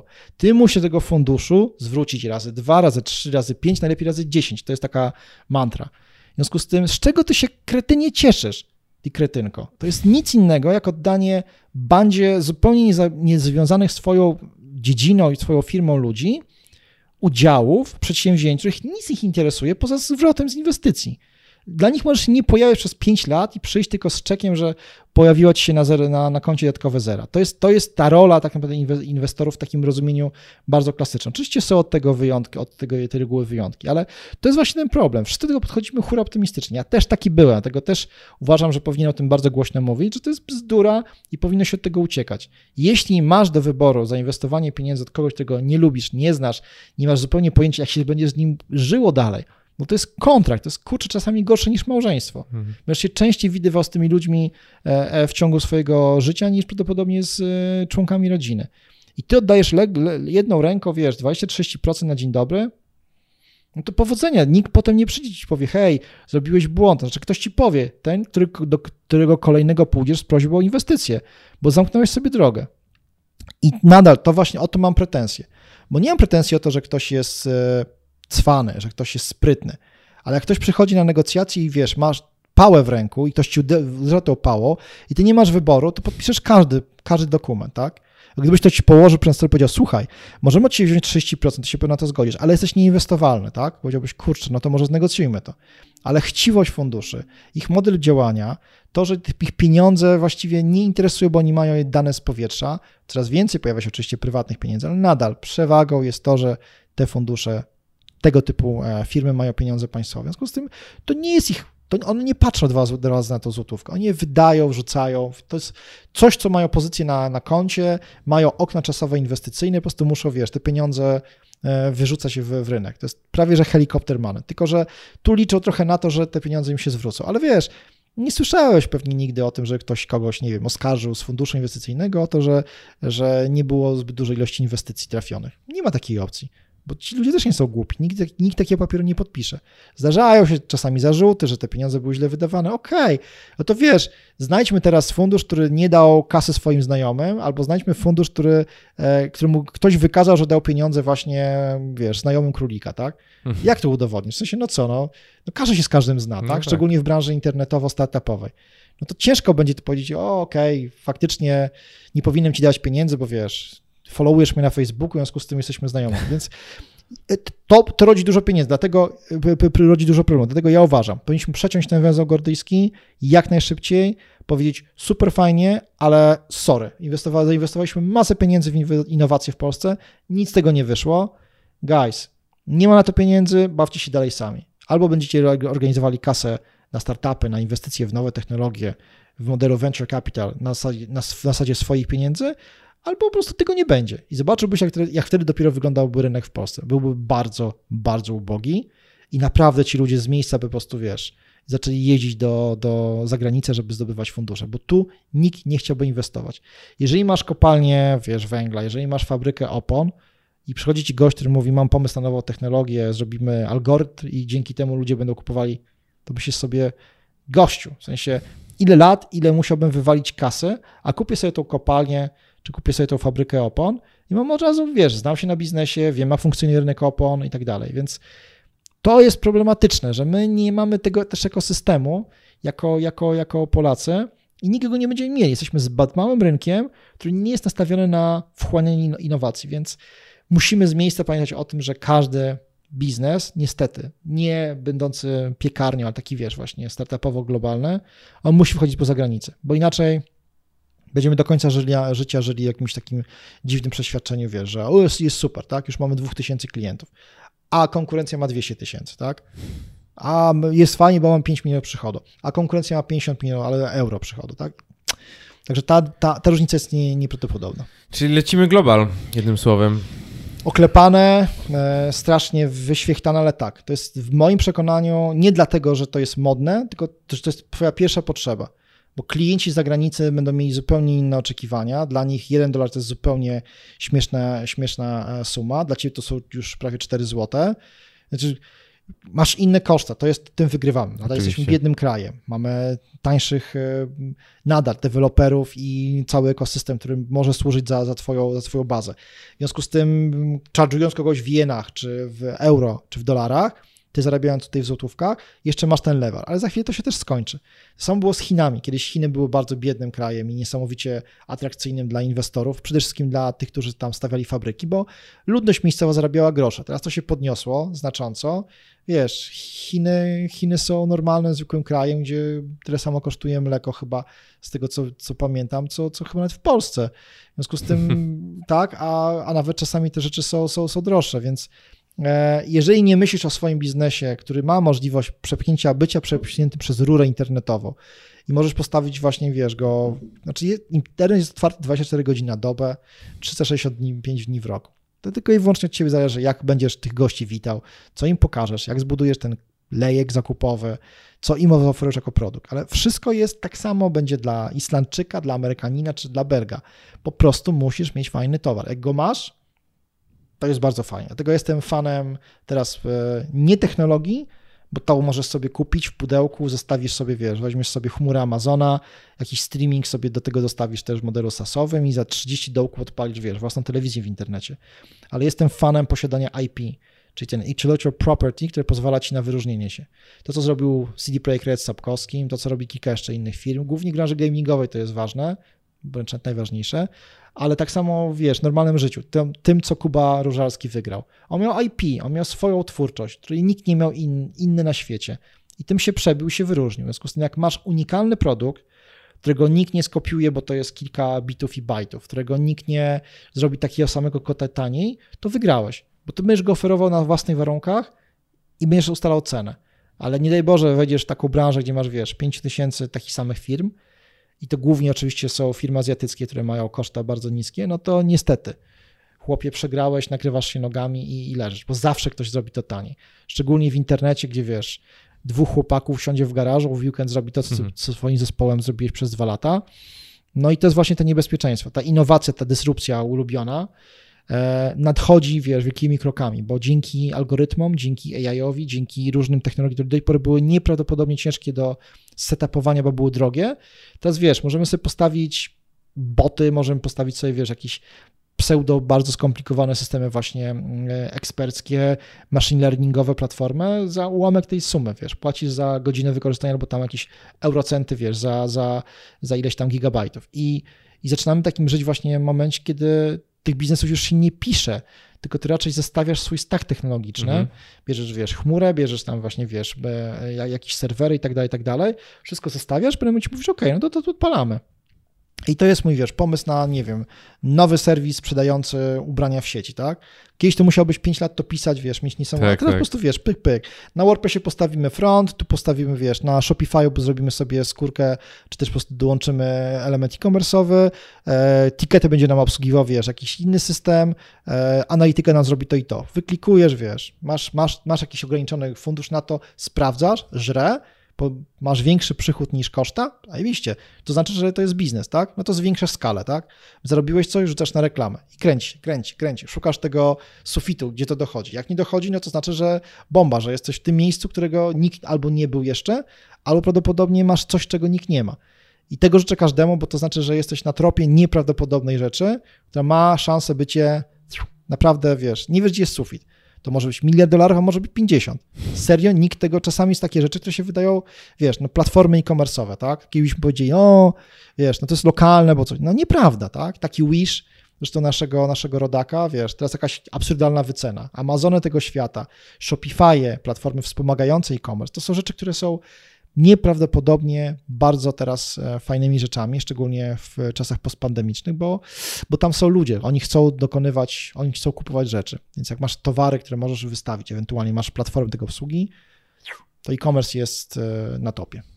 Jak wyglądała Twoja transformacja właśnie z tego świata e, tech, mhm. nie? Do gier, do tego IP, do tworzenia własnych produktów, powiedzmy takich hmm, artystycznych odrobinę. Mhm. E, jak, jak ta transformacja? Kiedy się zorientowałeś, że nie chcesz jednak tak gonić tak. Tego, tego królika startupowego? Wiesz co, no, ona się odbyła bardzo prosto. Po prostu wtopiłem po raz kolejny, nie, nie dowiozłem projektu, e, były na siebie złe, byli źli moi partnerzy, e, ludzie, z którymi pracowałem i ewidentnie po raz kolejny okazało się, że, że, że to nie jest to. E, ja na początku myślałem, że po prostu ja nie wiem, jak to robić, że ja nie mam talentu, że wydawało mi się po prostu, że, że, że udaję przed samym sobą, że coś wiem. To nie jest prawda, bo ja wiem, gdzie, jest moja, gdzie są moje słabe i mocne punkty. Na pewno e, tworzenie biznesów nie jest moim słabym punktem. Tworzenie, e, moim słabym punktem jest dowożenie, ale też bardziej pod kątem kontroli. Ja tego nie potrafię zrealizować. Ja jestem duerem, a takim bardziej, wiesz, wizyjnym. Znaczy, wiesz, ja mam wizję, do niej lecę, mm -hmm. a zespół za mną nie nadąża, bo oni muszą, wiesz, swoje tam, swoje asany pouzupełniać uzupełniać e, i w swoich girach e, e, coś tam powpisywać, więc ja, wiesz, ja lecę, ja mam, szybko zmieniam zdania, lawiruję i to jest cecha niepożądana, jeżeli chcesz być liderem takiego, takim trochę project managerem, tak? Ja raczej jestem, wiesz, gościem, którego przychodzi się, bierze się go na stronę i mówi, stary, jakbyś miał milion dolarów i miałbyś taki problem, to co byś zrobił? Ja to zrozwalę. Ja naprawdę jestem w stanie bardzo dziwne rzeczy zrobić, są na to całkiem niezłe przykłady i ludzie, którzy to potwierdzą. Gorzej jest tym, że powiedzieć, ok, to zrób to. Wtedy to mi się, o, trzeba wstać, trzeba zaplanować, trzeba zabudżetować, trzeba stworzyć formatkę, rozliczyć. Nie, to już nie jest moja gra. Moją grą jest, wiesz, wymyślenie, i jeżeli coś mnie bardzo pochłania, to, to lecenie z tym. W związku z tym tu zauważyłem, że po prostu się rozmijam, że oczekiwania wobec mnie, szczególnie jako większości inicjatora projektu, fundera, prezesa zarządu, tak, są takie, że po prostu ja, ja nie mam czasu na robienie tych fajnych rzeczy, właśnie głównie kreatywnych, a muszę odwalać te rzeczy, które są dla mnie niefajne, a wręcz nawet mnie w jakiś sposób nudzą i są ograniczenia. W związku z tym stwierdziłem, że nie chcę tego robić. Akurat był taki moment, że kończyła mi się, e, z, zamykałem jedną z moich spółek, taką, na którą się koncentrowałem głównie przez ostatnie lata i stwierdziłem, że muszę dokonać jakiejś zmiany. Mhm. Akurat był moment, kiedy wyjechałem z żoną bardzo, bardzo, bardzo daleko, bo aż na Hawaje i, i autentycznie pamiętam jak dziś, stałem, wiesz, z nogami zanurzonymi w oceanie, patrzyłem sobie przed siebie i myślałem sobie, Boże, co ja chcę robić? W sensie tak naprawdę, wiesz, mogę pójść do banku, pracować, nie ma problemu, propozycji w życiu miałem bardzo dużo, każdy chętnie pracuje z gościem, którym wiesz, unurzał ręce w wielu projektach, część z nich rozwalił, część z nimi coś zrobił, ma jakieś tam kontakty i tak dalej ale to nie jest moja gra. Ja nie chcę pójść do korpo, nie chcę pójść pracować od 9 do 17, nawet z super ludźmi. Ja chcę działać sam. Jestem trochę samotnym przedsiębiorcą, bo uwielbiam robić projekty e, w swoim gronie, mhm. oczywiście dołączać ludzi, ale trochę też e, rozmawiałem z Michałem Szafrańskim, taki solopreneurship mind jest u mnie też, czasami się włącza. Natomiast ja chcę robić rzeczy, które są nie mają tego posmaku właśnie kolejnego jednorożca. To mnie przez to kompletnie mnie nie interesuje. Ja nie chcę robić rzeczy dlatego, że one mają mieć dużo pieniędzy w sobie. Ja chcę robić rzeczy, które mnie interesują i wydają mi się ważne. Tak? Dlatego robię komiks o tym, że dziewczynki mają podgórkę i powinny się interesować technologiami i nauką, a nie robię komiksu, wiesz, erotycznego czy jakiegokolwiek innego, gdzie mógłbym go sprzedać na pniu i pewno y, zarobił na tym całkiem duże pieniądze. Robię rzeczy typu buduję aula od tam 13 lat, a nie robię wydarzeń płatnych, wiesz, networkingu, gdzie przychodzi żuk żaba i możesz, wiesz, zostawić wizytówkę, ale płaci za to 50 zł miesięcznie i tak dalej. To jest taka moja skaza. Trochę mhm. mam takiego swój, sobie gen państwo, państwowca w tym sensie, że chcę robić dobrze dla Polski, tak, dla, dla, dla tego kraju, bo uważam, że jak będę miał, ja miał dobrze i ty będziesz miał dobrze, to duża grupa osób będzie miała dobrze, tak? I nie trzeba nikogo wykluczać, wtedy wiesz, nie trzeba mówić, że jest głupi, że głosuje na głupio partię, tylko po prostu jak ludziom się będzie wiodło dobrze, to kurczę, jakoś tak to dziwnie potem jest, że wiele rzeczy się rozwiązuje same, same z siebie. Więc stwierdziłem, że muszę coś zrobić, zmienić w swoim życiu.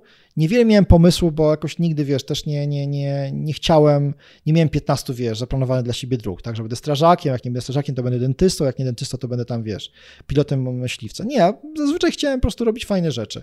Dużo w życiu grałem w, w gry RPG, grałem w piłkę nożną, trochę rysowałem rzeczy, gdzieś tam się później obudził we mnie trochę taki pociąg właśnie do robienia biznesu, ale takim właśnie poziomie, żeby zarobić, przeżyć, ale nie, wiesz, nie budować korporacji, tak, nie mm. być, mhm. wiesz, kolejnym, wiesz, solorzem tego świata i, i tak dalej. W związku z tym stwierdziłem, że muszę coś zmienić, zacząłem już chodzić i zastanawiać się, co brodząc w tej wodzie, w tym oceanie, co mogę zrobić ja, co mi dla mnie sprawia mi satysfakcję i z czym, jeżeli się obudzę następnego dnia, to będzie to. No i trzy pomysły przyszły do głowy. Właśnie gry RPG, tylko wtedy nie wiedziałem, jak to biznesowo ogarnąć.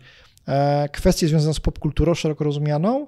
Strasznie mi się ckniło do rzeczy związanych z czymś namacalnym, materialnym. Jeszcze nie wiedziałem, co to będzie, czy to będą gry, czy, czy to będzie coś innego. I właśnie gry jako takie. Gry planszowe, gry wideo, ma bardzo silny wspólny, wspólny kręgosłup, w związku z tym naprawdę dużo rzeczy można pożyczać od siebie. No i teraz pytanie było, jak to zrobić. Na początku wymyśliłem, że to zrobię własne studio game devowe. Oczywiście nie znam się na tym, nie mam zielonego pojęcia, ale wiesz. Ale zaczynam. Zrobię to. No, kto No, jak nie no, ja, tak. Dzwonię do kilku znajomych i wiesz, jeden drugi mówi o stary w ogóle, weź się walnij w głowę, ty kretynie. Uciekasz z biznesu, bo ci nie idzie, bo ewidentnie wiesz, nie do końca się tam spełniasz, bo lecisz do przodu, wiesz, i, i masz wizję, e, jak stąd do, do, do Afryki, a teraz chcesz zrobić game dev, który jest bardzo ciężki, trudny i tak dalej. Więc zadzwonię do znajomego Darka e, e, Skrzypkowskiego, który, który e, e, jest dla mnie no, takim bardzo dobrym kontaktem e, od dawien dawna i powiem Ci, że jak zadzwoniłem, to okazało się, że oni właśnie z bratem zakładają własne studio, odeszli z, z, z wielkiego biznesu takiego growego, zakładają swoje. I tak się losy nasze potoczyły, że teraz właśnie stworzyliśmy, stworzyliśmy coś razem, e, Spelarenę, Mm, a wcześniej zadzwonił do mnie Max Salomonowicz, dokładnie to było jakieś może dwa albo trzy miesiące różnicy, że potrzebuje swojego teamu osoby, która pomogłaby mu w trochę rela- relacjach na miejscu, trochę takiego networkingu, ale też w tworzeniu wizji do, do gry planszowej, hybrydowej. E, Opisywał mi ten pomysł, ja kompletnie nie, nie, nie wierzyłem, nie, nie rozumiałem, co on Aha. do mnie mówi. Gry planszowe nie są moją domeną, dopiero się do tego musiałem do- dosyć sporo nauczyć.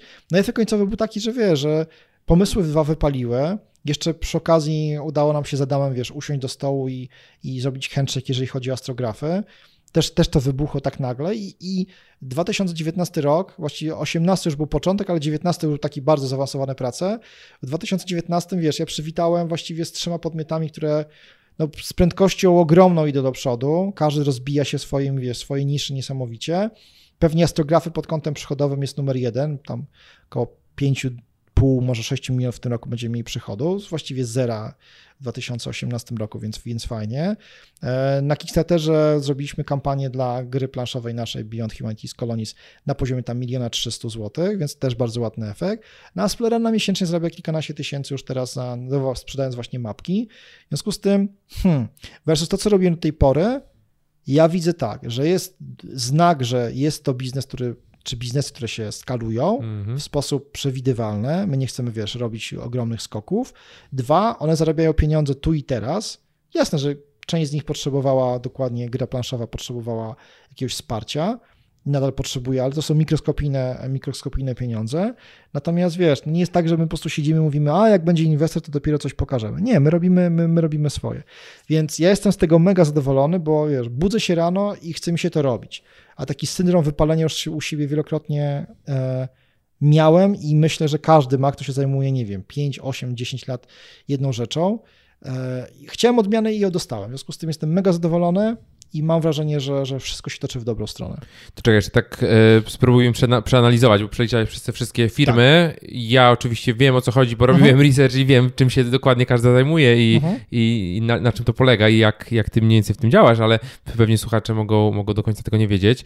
E, czyli mamy Spell Arena, to jest Tak. najnowsza twoja spółka Arena- zajmująca się... Tak, Splerena tworzy pomoce, a chwilę obecną głównie mapy, jakieś wizualne To, o pomoce. czym mówiliśmy na samym początku, Tak, tak? Dla, dla graczy. Czyli jesteś mistrzem gry, grasz w gry RPG, potrzebujesz mapy, żeby poprowadzić, mieć ją na, na swoją sesję, przychodzisz do nas, kupujesz taką mapkę w modelu abonamentowym, czyli my ci dostarczymy cztery mapy w miesiącu, masz dostęp też do naszych wszystkich poprzednich zrobionych map, w związku z tym myślę, że to jest całkiem fajne, tam jest już ponad 80 różnych map, z 10 map e, animowanych i przygody, które też piszemy i tak dalej. To jest taka firma, którą mam bardzo fajne plany, ponieważ tam będzie dużo takiego, e, takich rzeczy związanych z kilkoma różnymi dziedzinami, między innymi właśnie i drukiem tradycyjnym, więc przydadzą mi się doświadczenia od Adama i astrografy, ale też takimi grami typowo em, cyfrowymi, więc strasznie, strasznie mi się podoba to, to, to wyzwanie. E, Drugą spółką Ty jest... jesteś tam jakoś solo? Nie, ty jesteś z tymi... Je, na chwilę obecną, wiesz co, zrobiliśmy zwykłe, normalne SPZO, gdzie ja jestem, mam 30% udziałów, okay. Bidget Brothers, czyli spółka Darka ma, e, jego brata Łukasza ma 70%, bo za chwilę będziemy mieli tam szeroko idące plany związane z trochę skoczeniem na, wyższą, na wyższy poziom, także podjęliśmy współpracę, bardzo fajnie mi się pracuje z nimi. Ale jakieś gry cyfrowe chcecie tam robić, tak? Tak, RP- tak, tak. No RPG, właśnie jakieś takie My będziemy tak, Splarena będzie bardziej indyki, związana tak z grami, tak, z grami fantasy, RPG, RPGami, czy też jakkolwiek będziemy to nazywali, ale będziemy pływali w takim sosie. Bridge the Brothers jako spółka robiąca głównie symulatory jazdy samochodami podobnej klasy gry, raczej będzie sobie robiła to, e, to dalej, także Okej. będziemy się różnili e, tematyką. Astrografy, no, to jest spółka, która powstała e, z pasji Adama, z jego talentu do robienia zdjęć. Potem zaryzykowaliśmy i zrobiliśmy dostawkę pos- postaci druku. No i to wybuchło na no, globalną, no, można powiedzieć śmiało. No, spółka, która ma klientów w 30 krajach, która ma kilka milionów ładnych przychodów. Wy sp- sprzedajecie plakaty związane z kosmosem, tak? Tak, plakaty premium, to się nazywa w tym języku, e, e, w tej branży fine art. To jest jakość galeryjna, bardzo dobry tusz, bardzo drogi, w związku z tym wydruk jest bardzo kosztowny. E, Moglibyśmy, żeby dać jasność i porównanie, nasze druki są średnio 10-15 razy droższe niż takie standardowe druki, które kupisz sobie w punkcie Xero. Czyli jaki to jest koszt, e, w sensie Kilkaset takiego- złotych. Kilkaset złotych Tak, takiego... per, za plakat. My za- za sprzedajemy plakat, to w sklepie CD Projekt Redi, Mhm. w sklepie CD Projekt Redu. Możesz kupić nasze plakaty. My jesteśmy dostawcą e, produktów dla sklepu CD Projekt Red. Nie wszystkich, ale, ale części. E, głównie obecnie Cyberpunka, mam nadzieję też, że za chwilę Wiedźmina. E, I u nich to kosztuje, żeby nie skłamać, nie pamiętam, już 200 chyba 70, czy nie przekracza 300 zł. To jest taka ce- cena. A jesteście dostawcą produktu w sensie plakatów? Drukujemy, tak. D- Drukujecie plakaty, tak. materiały? tak. Aha, okej. Czyli nasze plakaty są sprzedawane. My drukujemy Cyberpunk dla CD Projekt Redu. Także Wow. jesteśmy, tak, to jest, to jest, wiesz, coś, co mogę powiedzieć z wielką dumą. I, i Wy do nich poszliście, czy oni do was przyszli? Pewnie co, do nich. By, byliśmy akurat w takim momencie, że e, poznałem Olę, która zaczęła pełnić obowiązki e-commerce, osoby od e-commerce'u Mhm. całego e, związanego ze sklepem i powiedziałem, że właśnie, wiesz co, mamy astrografię. No powiedziała, "Mm, no nie wiem do końca, czy to będzie pasowało do nas. Przyjdźcie, pogadamy, pogadaliśmy. Pomysł jej się spodobał, jeszcze, wiesz, asekuracyjnie mówiła, że nie wie, czy zarząd zaakceptuje, bo to jednak jest tak, że to jest bardzo specyficzna firma, bardzo fajna, ale specyficzna.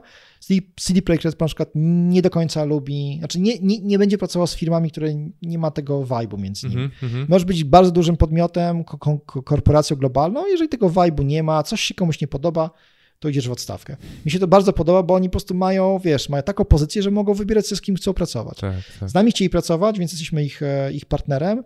Wiesz, no i, i bardzo nam fajnie się pracuje i mam wrażenie, że, że ta współpraca będzie, będzie długo jeszcze trwała. Ale oprócz tego oczywiście sprzedajemy całą masę produktów e, pod tytułem Zdjęcia Adama. Wielu artystów, którzy przyszli do nas, powiedzieli, że chcą mieć u nas sklep i tylko u nas sprzedawać, nie na Displaycie, nie na Society Six, nie Red, Red Bubble, tylko u nas. E, My staramy się trzymać bardzo wysoki poziom pod kątem stworzenia produktu, jego zapakowania i wysyłki, ale też chcemy, żeby to były produkty premium. Znaczy, absolutnie nie chcemy jechać e, i walczyć ceną. Niech to robią dostawcy, którzy mają swoje centrale i, i punkty w, w Azji. My chcemy być bardzo silnie kojarzeni z jakością i ceną. I to jest nasze podstawowe, e, podstawowe założenie. To się będzie pewno zmieniało, w sensie będziemy wchodzili w nowe produkty, pewnie będziemy robili jakieś mercze, pewnie wiesz, pojawią się u nas różne rzeczy poza samymi wydrukami, ale to jest na chwilę obecną produkt numer jeden. I myślę, że jak patrząc wiesz, na cały rynek zapchany różnego typu twórczością, to znowu IP w tym wypadku wygrywa, wygrywa, dlatego że wiesz, zdjęć kosmosu masz, masz miliony, tak? A tak. nasze jakiegoś punktu widzenia się dobrze sprzedają i to widzimy na różnych platformach, za chwilę będziemy się wodowali też na Amazonie, po prostu masz coś unikalnego, czego nie ma nikt. To jest praca Adama, to są jego nieprawdopodobne umiejętności, robienia zdjęcia, potem obróbki tych zdjęć w, w, w, w postprodukcji, no i czego efektem jest jakaś jest galaktyka Andromedy, która jest, czy tam mgławica i widzisz to i mówisz sobie, wow, to jest piękne. Chcę mieć to na ścianie. Kosztuje to Mhm. bardzo drogie, drogo, ale chcę mieć to na ścianie. I wiem, że ludzie, którzy to kupują, mają absolutnie bardzo dziwne e, zapatrywanie na życie, w co się ubierają i tak dalej. Łączy ich to, że chcą mieć na ścianie kawałek kosmosu. Specyficznego, nie takiego, wiesz, kupowanego w sklepie, wiesz, z Tak. glazurą, gdzie masz tam w milionach kopii, tylko coś, co jest, wiesz, unikalne. Jeszcze, żeby ktoś ci, wiesz, złożył autograf na tym i opowiedział do tego historię. Więc to mnie bardzo cieszy, bo w tym zalewie tandety, wiesz, nijakości, byle jakości, nasze produkty się sprzedają. Ludzie y, cenią je. Oczywiście mm, 90% klientów spoza Polski. E, Jesteśmy mało elastyczni cenowo i nie zrobiliśmy produktu, wiesz, na, na, na Polskę. Nie chcemy być tak kojarzeni. Chcemy być firmą, która sprzedaje na cały świat, ale to, że to jest za drogie dla Polski, po prostu jest nam przykro, ale nie będziemy tego zniżali. Ceny mamy bardzo różne. Są takie produkty, które możesz sobie wyklikać za kilka tysięcy euro. Wiesz, i czasami się zdarzało tak, że, że Adam tworzył całe zestawienie, bo trzeba było do tego dobrać ramę, bo klient, wiesz, życzył sobie, żeby przyjechało do niego całe, w związku z tym Aha. trzeba było zapakować, wyciąć, włożyć w ramę e, i nadać, wiesz, taką paczkę, która ważyła kilkadziesiąt kilo, bo miała, wiesz, tam metr na, na, na, na, na tam półtora metra na półtora, bo to było tego jeszcze, wiesz, jakieś zabezpieczenia. Takie produkty też, też latały po, po, po całym świecie, a normalnie się to pakuje jako tubę i, i to lata, wiesz, na liniami lotniczymi głównie. Także e, Spelarena, mm, astrografy i e, To jeszcze zatrzymajmy się na Tak. astrografy, bo e, tak jak to opowiadasz, genialna sprawa, Mhm. super firma, a parę miesięcy temu mieliście kryzys, chcieliście zamknąć Tak, biznes. oczywiście. oczywiście, tak, tak. Adam, Adam miał bardzo, bardzo czarne myśli. Ja go też tym wspierałem. W sensie, że no wiesz, no, widzieliśmy, co się dzieje na świecie i myśleliśmy, że pandemia e, trafi najgorzej nas, no bo przecież ludzie nie będą kupowali grafik na ścianę za kilkaset złotych. Okazało się, że jest odwrotnie, że mamy wzrosty, że właśnie przez pandemię mamy o wiele więcej zamówień, że ludzie siedzący w domach, patrzący na gołe ściany mówią, abym coś tu powiesił, czy powiesiła i zamawiają u nas. Naszym wąskim gardłem była, była przesyłka, była, był klasyczny, wiesz, shipment i to musieliśmy bardzo mocno, to odczuliśmy, dlatego że skoczyły nam koszta, musieliśmy wycofać się z Poczty Polskiej, inaczej Mhm. Poczta Polska wycofała się z nas, bo przestała obsługiwać e, ruch, no a myśmy musieli pójść do, do i tak już zawalonych po uszy kurierów i dawać im przesyłki, w związku z tym, wiesz, to jest taki biznes, który jest, e, zawsze będzie miał jakieś swoje e, słabe punkty, bo albo nam shipment będzie padał, będą rosły nam ceny, albo będą nas podgryzali konkurenci, którzy będą mieli podobne produkty. Ale ja się z tego bardzo cieszę, bo to jest pod koniec dnia ty sprzedajesz artystę. To jest dzieło sztuki. Jeżeli ktoś go skopiuje, to po prostu ma sprawę karną, tak? Tak. Ale nie walczysz o cenę nadruku na kubku, tak, termicznym, tylko mówisz, hej, ja mam unikalny produkt, tylko on u mnie jest oryginalny. Kupisz go gdzie indziej, indziej nie jest oryginalny. W związku z tym ludzie to rozumieją i to jest nasza tajna broń, że pod koniec dnia my mamy ograniczoną liczbę druków w ciągu, w ciągu doby, nie będziemy robili pewnych, pewnych rzeczy, czasami też e, wycofujemy się z pewnych kolekcji, wydrukowaliśmy ileś tam sztuk pewnych rzeczy, w CD Projekcie taka, taka jest cała kolekcja i tego już nigdy nie będzie. W związku z tym ludzie wiedzą, że to jest ekskluzywne, że to jest, wiesz, unikalne i tak dalej. I to, to jest coś, coś bardzo fajnego. Z drugiej strony, oczywiście, wiesz, no, to jest bardzo młoda firma, która myślę, że jeszcze nawet procenta nie zrealizowaliśmy z tych naszych pomysłów, które tam mamy i po, po, po wiesz, taki współprac tego, co chcemy osiągnąć, a już osiągnęliśmy bardzo ładny wynik i to naprawdę e, rękoma tak naprawdę Doroty, żony Adama, Adama, bo to oni na początku, wiesz, siedzieli Mhm. do, do 12 w nocy i pakowali, znaczy najpierw drukowali, potem wycinali, potem pakowali. E, Te, te bardzo dużo przesyłek, które wiesz, wypuściliśmy już do, do CD Projekt Reda. Także to są rzeczy, które są nie, niebywale e, fajne, jak na to patrzę, że to się zadziało, to że było prawie półtora roku temu, a z drugiej strony musisz sobie, o rany, to jesteśmy na początku drogi i dopiero jeszcze musimy wykonać, ale to są te rzeczy, które mnie właśnie mnie jarają, to jest coś, co chcę robić i jestem na to gotowy. Bo jak miałbym wykonywać takie rzeczy na zasadzie, to teraz wiesz, wracamy do Excela i musimy sobie coś zasymulować. Nie, to tego nie chcę. Chcę takiej niepewności. Chcę tego, że budzimy się rano i mamy zerową sprzedaż. Chcę, że następnego dnia mamy wzrost o, wiesz, o 1000%, że ktoś nam mówi, że mamy bardzo fajne rzeczy, że ktoś rzuca filmik, wiesz, na Mhm. Reddita, że nas chwalą, że wiesz, że jesteśmy na ustach e, wszystkich albo coś spieprzyliśmy. Cały czas coś się dzieje, tak? Ale nie ma takiej nudy i stagnacji, więc astrografy myślę, że to będzie bardzo fajny, duży e-commerce w Polsce za kilka lat. Nie dlatego, że my chcemy, że to budujemy na zasadzie, że musimy dojść do 150 milionów obrotu, tylko wiemy, że po prostu tak to się rozrasta. Rośnie i, i, i wiemy już, co potrzeba, żeby tą tkankę, te, te kości bu- budować, obudować tkanką i żeby to był zdrowy i fajny wzrost dla wszystkich. To jest duży zespół teraz, czy Kilka osób. kilka osób? Żeby nie skłamać, 4-5 osób, tak, poza mną, plus jeszcze, wiesz, tam jacyś satelici w postaci e, jakichś adminów i tak dalej. Także to jest bardzo, bardzo malutka firma, nadal rodzinna. Myślę, że moglibyśmy, wiesz, spokojnie takie tempo, na tym poziomie moglibyśmy zostać, tak, żeby było Mhm. jasność, ale chcemy zobaczyć, gdzie jest ten sufit, tak, bo być może będziemy z niego schodzili i wrzucimy sobie do poziomu, nie wiem, 8-10 milionów obrotów rocznie i to nam wystarczy. Jak dotarliście do tych klientów yy, za granicą? No, mówisz 90% poza Reklama Polską. na Facebooku. Reklama. Y, Leci mi wasza reklama regularnie. Bardzo ładny, taki NASA, ten duży. Myślę, ile on kosztuje mniej więcej? Och, to O, zależy. to pewnie dużo, nie? No, kilkaset złotych. No, zaczynamy Tak? A, to złotych, nie tak źle. Nie, nie, Myślałem, że... Nie, nie, spokojnie. Zresztą czasami można Tutaj trafić mam, na... mam tam, na tamtej ścianie mam trochę miejsca. Myślę, że jest dobre miejsce, tak. To jest Apollo Flight Plan, czy przedstawienie No, no, tak, całego, tak. wiesz. e, Jak to się stało, że my jako I to jest reprodukcja ludzie- Adama? Adam na podstawie wykonanej kiedyś stworzonej takiej grafiki Mhm. zrobił własną wersję. Okej. zaprojektował ją od samego początku, wiesz, ze wszystkimi e, aktualizacjami, które też e, gdzieś tam, wiesz, no, historycznie okazało się pewne rzeczy, że ktoś źle to podał, wiesz, jakieś tam koordynaty i tak dalej, ale tak, tak, Adam to jest dzieło, dzieło co, wiesz, od, od samego początku Adama na bazie jakiejś tam starej grafiki, także szapoba, natomiast to jest, wiesz, super rzecz, bo to jest edutainment, to jest, to jest, to jest Mhm. fajne, że to kupują ludzie na przykład do pokoju swoich e, dzieci, Tak. żeby to wisiało, żeby, wiesz, oswajały się z tym kosmosem. I tu mamy ten taki e, batalię. Zły Facebook. Reklama na Facebooku zbudowała No. nam cały biznes. No Nie? właśnie. I, No wie, co mam powiedzieć? Nie będę korzystał z Facebooka, bo to jest firma, która rozwala demokrację. Ja bym chciał powiedzieć, będę korzystał z Facebooka, ale nie ma, ma, macie nie rozwalać demokracji, tak? Bo dowozicie No tak. milionom czy miliardom ludzi biznesy, tak? Myśmy się zaczęli, wiesz, reklamować na Facebooku. Pewnie za chwilę wyjdziemy na Google'a i będziemy korzystali z różnych innych kanałów, ale tak, Facebook dla nas jest bardzo najważniejszym, super fajnym i bardzo dobrym, oczywiście cholernie kosztownym kanałem dystrybucji, ale tak, dzięki takiemu Facebookowi możesz dotrzeć od zera do kilku milionów sprzedanych e, sztuk swojego produktu, dlatego że cię ludzie widzą po drugiej stronie oceanu, wiesz, kontynentu i tak dalej. Polecam.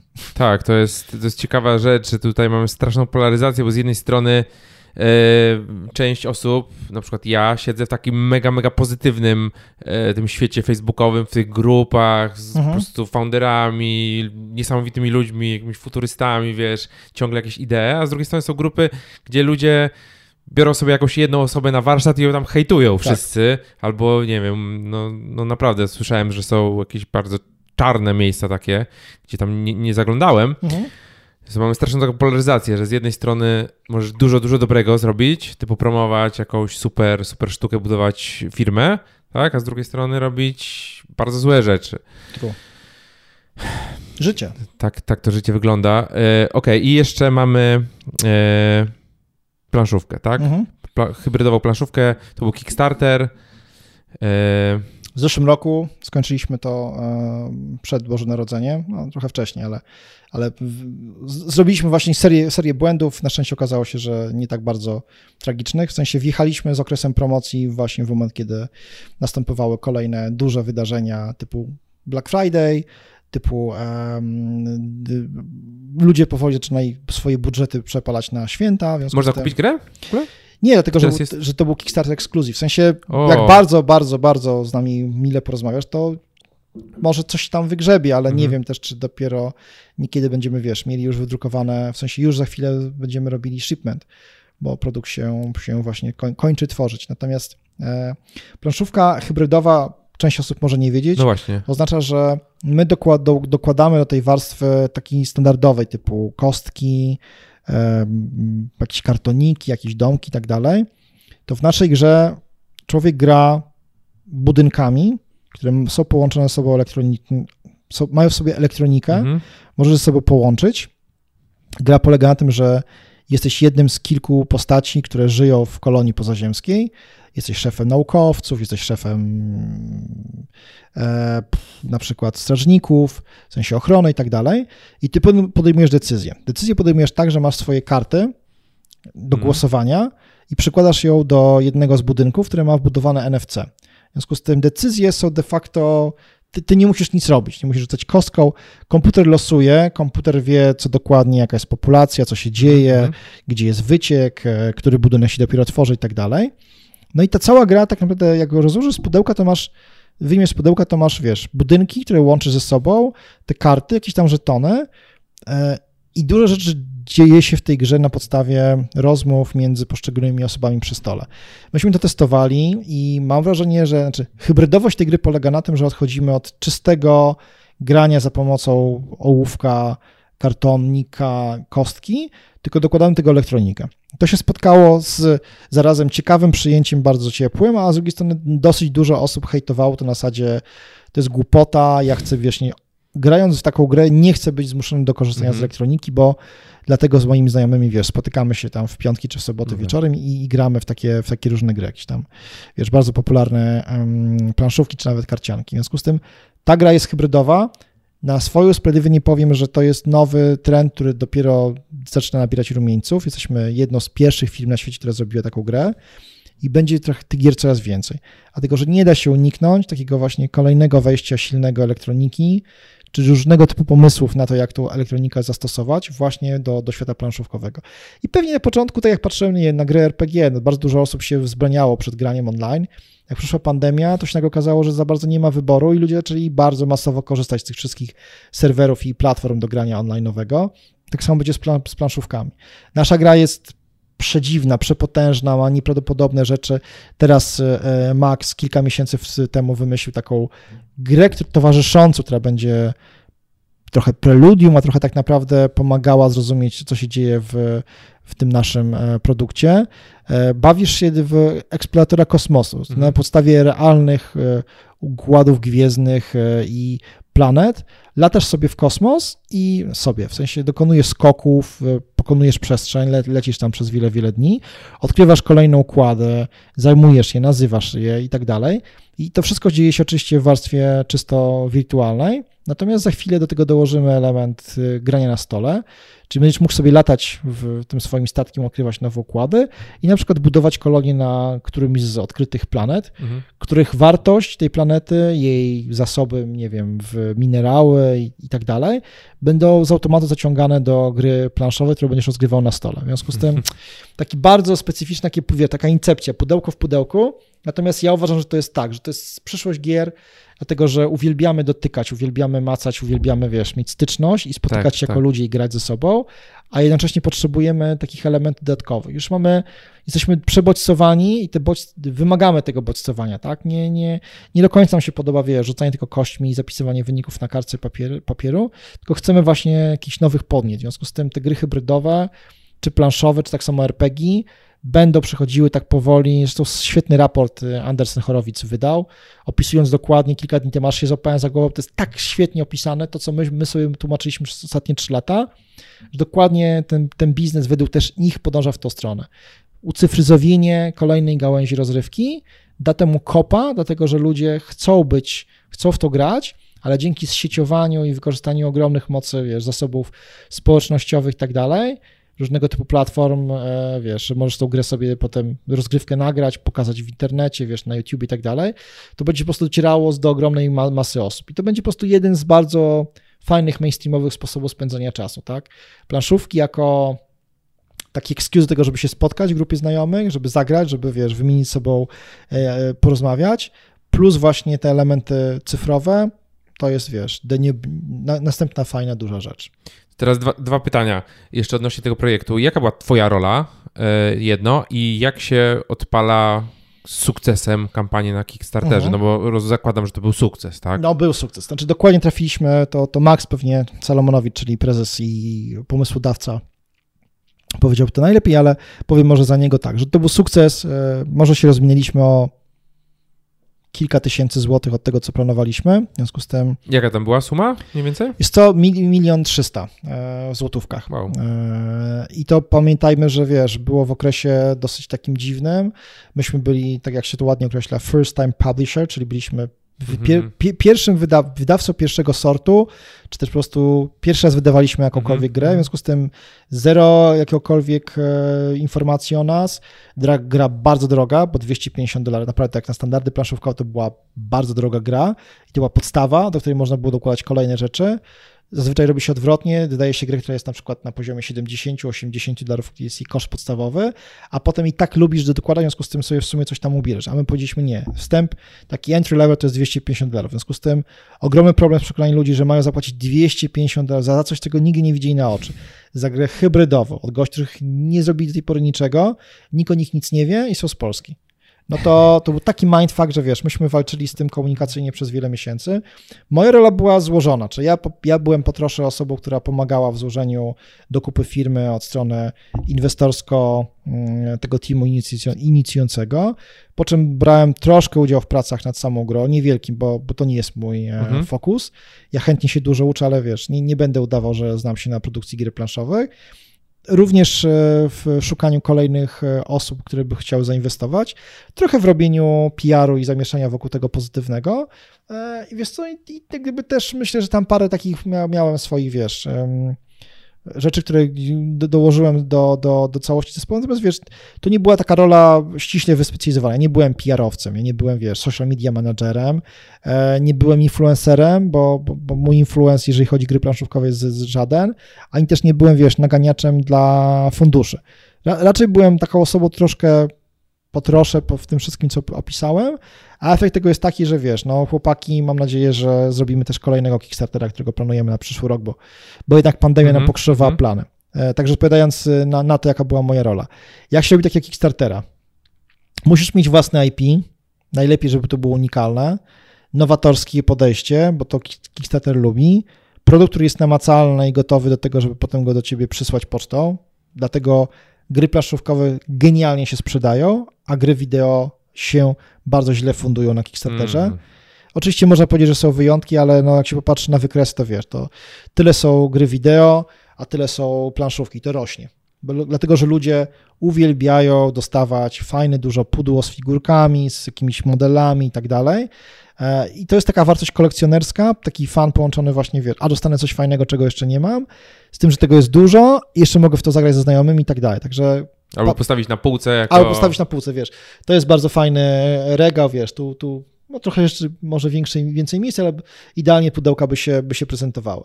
E, dodatkowo musisz mieć bardzo dużo pieniędzy. Myśmy wydali na, na kampanię prawie 300 tysięcy złotych.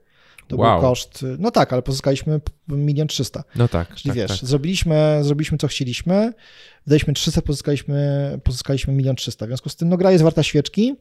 Musisz mieć świetny team, który doskonale rozumie crowdfunding i potrafi, z tym team, potrafi ten team porozmawiać z ludźmi ze wszystkich sfer czasowych w tym samym momencie, tym samym językiem. Czyli musisz mieć po prostu ludzi, którzy są zdolni do wchodzenia w dialogi, gaszenia pożarów i rozmowy z dziesięcioma tysiącami, bo myśmy tyle mniej więcej komunikatów wysłali. 10 tysięcy komunikatów w trakcie kampanii, postów, odpowiedzi i tak dalej. E, musisz mieć bardzo dobry pomysł, jak chcesz dalej z tym produktem iść, bo można mieć taki, wiesz, one, one, one time shot, że po prostu coś pokazujesz i dowieziesz i się skończy. My mamy jednak pomysł na kilka gier do przodu. Mm -hmm. To ma być tylko pierwsze potwierdzenie tego, że jak dowieziemy pierwszą grę, zaczynamy od razu kampanię kolejnej, i którą chcemy zrobić na, na wiosnę 2020. Też hybrydowej? Tak, też hybrydowej, bardzo, bardzo fajna, bliższa już moim wyobrażeniom o takiej grze, którą ja bym chciał zagrać, bo to będzie troszkę bardziej RPG niż taka klasyczna planszówka, okay. także oj, będzie się działo. To myślę, że o tej grze może być głoś, głośno poza, poza banieczką planszową. Co jeszcze musisz mieć? No musisz mieć trochę szczęścia, żeby ludzie ci uwierzyli, że ty dowieziesz to wszystko. E, no i potem, wiesz co, no, musisz dobrze odrobić lekcje, zrobić ogromny research na temat rynku, e, ludzi, innych kampanii, konkurencji potencjalnych. Jak wszystko to się złoży w jedną, mhm. wiesz, fajną kupę, słuchaj, na największe, największe sukcesy planszówkowe to jest 12 milionów dolarów. W związku z tym jest do czego jeszcze dążyć. Myśmy zrobili ledwie kilkaset tysięcy, a przed nami jest jeszcze bardzo dużo rzeczy do, do, do poprawy. Kickstarter jest piękną platformą, naprawdę podziwiam, po, polecam, że to chyba zrobimy w październiku, tak mi się wydaje, z, przy spalerenie jaką, jakąś, jakąś akcję. Nie wiem jeszcze, bo się waham z jakim produktem i tak dalej, co jest oczywiście kretyństwem, bo powinien już mieć dawno zaklepane i uruchomioną kampanię, żeby ludzie, ludzie zaczęli to, to lajkować, tam wchodzić, ale jeszcze nie do końca się przekonujemy, czy to będzie tak, czy to będzie coś innego. Natomiast ja jestem, wiesz, Uber, Uber zmotywowany do tego, żeby wykorzystywać takie kanały. Patreon, Kickstarter, wspieram to, Uważam za nieprawdopodobnie proste kanały, w tym tak. sensie, że jesteś w stanie szybko zwalidować swój projekt. I tak się powinno to robić. I na miejscu inwestorów powiedział, guys, chcecie robić taką grę albo taką planszówkę, cokolwiek, co mo mogę sprawdzić za pomocą ludzi, to zróbcie kampanię, tak? Ja wam pomogę, ściągnę wam specjalistów, zrobimy fajną kampanię, dowiemy się, czy ludzie tego chcą. Bo ty wiesz, no niczym się nie różni teraz Kickstarter od sklepu. Wchodzisz, mówisz, mam taki produkt. Oczywiście, niby... sprzedaż po prostu. To, jest sprzedaż, dokładnie. To jest badanie opinii, to jest, to jest patrzenie na to przez perspektywę klienta, który może powiedzieć, bardzo mi się podoba, chcę to kupić. W, założysz moją, zakładam kasę, w sensie odkładam na konto i czekam, aż mi to ściągniesz z karty, ale, ale tak, ja, ja chcę to zrobić, tylko że za jakiś czas i ufam tobie, że mi ten przedmiot dowiedziesz, tak? Lodówkę, wiatraczek super do, do laptopa, grę tak. planszową, albo wiesz, albo, albo coś, coś innego. Także to jest według mnie genialny sposób i to jest jedna z takich ewenementów internetu, że możesz bardzo szybko, globalnie swój produkt zwalidować Pieniędzmi klientów. Pieniędzy klientów, tak? I oczywiście tam zdarzają się fakapy, natomiast y, myślę, że Kickstarter ma, jeżeli nie zmieni czegoś fundamentalnie na, na, na złe, to myślę, że ma świetlną przyszłość, bo to jest globalna platforma właśnie, głównie oczywiście dla, dla kogoś, kto ma produkt, y, powtórzę po raz kolejny, fizyczny. fizyczny. Produkty cyfrowe się nie klikają. To jest jednak no tak. ten, ten minus, że nie widziałem dobrej, fajnej, dużej kampanii e, dla produktów cyfrowych. Widziałem kilka fajnych kampanii dla gier komputerowych, gier wideo, ale to jest specyfika zespołu, wiesz, tego, co chcesz osiągnąć. Masz grę, masz, nie wiem, takie fajne, wszystkie, wiesz, takie haki na, na życie, lifehackowe rzeczy, tak? Fajna suszarka do włosów, właśnie jakaś inteligentna e, walizka, która z tobą jeździ na lotnisku, to są genialne produkty na Kickstartera. To wiesz, jak trafisz i będziesz miał szczęście mm. i, mhm. i, to zahaczy, zatrybi, naprawdę możesz mieć dziesiątki milionów złotych, e, wiesz, trafione takiej jednej kampanii. W Polsce istnieje firma, która się nazywa Awaken Realms, którzy produkują gry planszowe, którzy, żeby nie skłamać, może trochę przesadzę, ale zdaje się, że około 100 milionów złotych zrobili przychodu z właśnie kampanii kickstarterowych. I nie potrzebują kasy od inwestorów, oni po prostu fundują sobie tym. Każdą grę fundują za pomocą pieniędzy już przekonanych fanów, którzy kupili poprzednią grę. Co może być piękniejszego, tak? Namawiam wszystkich pisarzy w Polsce do tego, żeby też sięgali po takie metody. Głównie to by musiało być niestety oparte o self-publishing, ale wyobraźmy sobie, że taką kompletną zmianę, że przychodzi do ciebie autor, albo wiesz, pewnego dnia się dowiadujesz, że puka do ciebie, nie wiem, może nie Remigiusz Mróz, albo, albo ale ktoś inny i mówi, słuchaj, mam pomysł na taką książkę, tak? Boguszu, co, co, co ty na ten temat sądzisz? Czy byś na przykład zapłacił 35 zł na temat takiej książki? I ci pisze mniej więcej, co miał być w tak, książce. Tak, tak, ty mówisz, okej, okay, pasuje mi to. No to, to mówi, to kliknij tutaj. Klikasz i na przykład na jego konto wpada tak, tak te tak, 35 tak, zeta. Ty mówisz, już tą książkę teoretycznie ja kupiłem. Tak, tak. I teraz on patrzy, ile osób mu wpłaciło i mówi, dobra, wpłaciło mi 3000 osób, to był mój cel, ufundowane. Panowie i panie, siadam i zaczynam pisać książkę. To jest piękne. Teraz w tym momencie taką rolę przejmuje wydawnictwa. Mówią, może byś coś napisał dla nas, bo nam się kończy kaska, tak. wiesz, chcielibyśmy, żebyś tutaj podreperował nam budżet i sobie też oczywiście. No to ja się tam zastanowię. Oni to reklamują, ale tak naprawdę rynek nie jest przekonany do końca, czy ta nowa książka któregoś ze znanych artystów czy też e, pisarzy będzie, będzie ok. Zakładamy, że tak, skoro napisał kilka do tej pory, to, to kolejna będzie też dobra. Natomiast dlatego ja wierzę w crowdfunding. Crowdfunding jest bardzo prosty, e, jest bardzo uczciwy, bo polega na tym, że jeżeli artysta powie, wiesz co, nie chce mi się, to mu nie płacisz pieniędzy. Mówisz, ok, ja wycofuję tą kasę. Nie dowiozłeś tak, mi tak, książki, tak. kanceluję ten, ten, to zostawienie tej mojej kasy. Tak samo na Patreonie, czy, czy na Wspieram to. Nie podoba mi się ta kampania. Wiesz co, na początku ona wyglądała tak, a teraz mi się nie podoba zabieram moje pieniądze i odchodzę. Moje święte prawo, ty możesz na to się nie zgodzić, ale to jest twój, twoja rola, żebyś ty jako owner tego projektu był w stanie mnie zainteresować i przykuć moją uwagę od początku kampanii do końca, żebym jeszcze ci, wiesz, potwierdził to po jej zakończeniu, że ci wpłacam. Więc jestem bardzo wielkim fanem i uważam, że to jest jedna z najlepszych rzeczy, która się może wydarzyć. Również dla fundowania startupów, dla nowych firm, również dla artystów, E, i przede wszystkim dla osób, które mają coś kreatywnego do pokazania.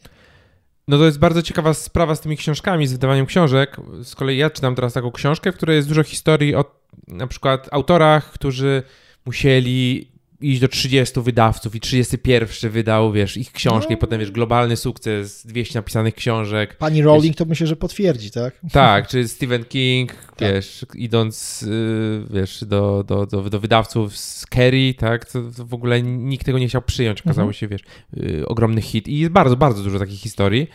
E, no a teraz po prostu by zrobili self-publishing czy, czy crowdfunding jakiś i tyle. Ludzie by... I wiesz, i, i, i tak samo myślę, że jak się może zmieniać w bliskiej przyszłości mm, platformy streamingowe.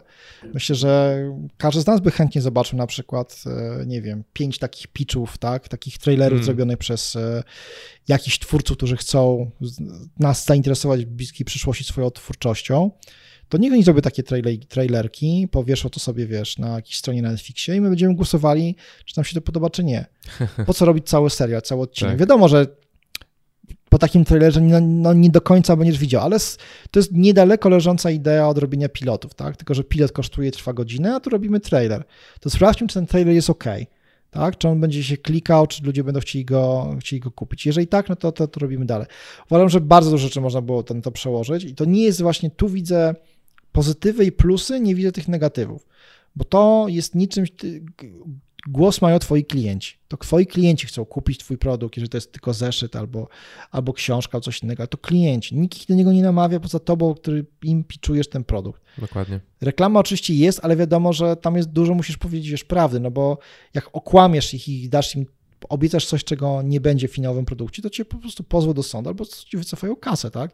Bo to jest na gruncie chociażby prawa polskiego bardzo, bardzo normalne. W związku z tym nie możesz kłamać. Jak okłamiesz, to, to, to, to kłamstwo będzie miało krótkie nogi, więc dla mnie się to wydaje bardzo idealne, ale ku wielkiemu mojemu zdziwieniu bardzo mało osób podchodzi do crowdfundingu w Polsce na zasadzie, ok, to jest mój model biznesowy. Nie, znam niewiele firm, które właśnie oprócz Awaken Dreams, które no już walą ogromne sumy, ale wiesz, no bardzo dużo ludzi mogłoby dzięki temu przynajmniej przekonać się wewnętrznie, wewnątrz zespołu, czy ich produkt, usługa jest fajna, czy nie. Tak. Zanim wydadzą 3 miliony złotych na produkcję, kodowanie, marketing, wiesz, growth hakerów i tak dalej, to tu mogliby bardzo szybko się przekonać, ok, w ogóle nasze założenie jest debilne, nikt tego nie chce kupić, do widzenia, panowie zmieniamy, pivotujemy, tak? A to jest to dobre pivotowanie.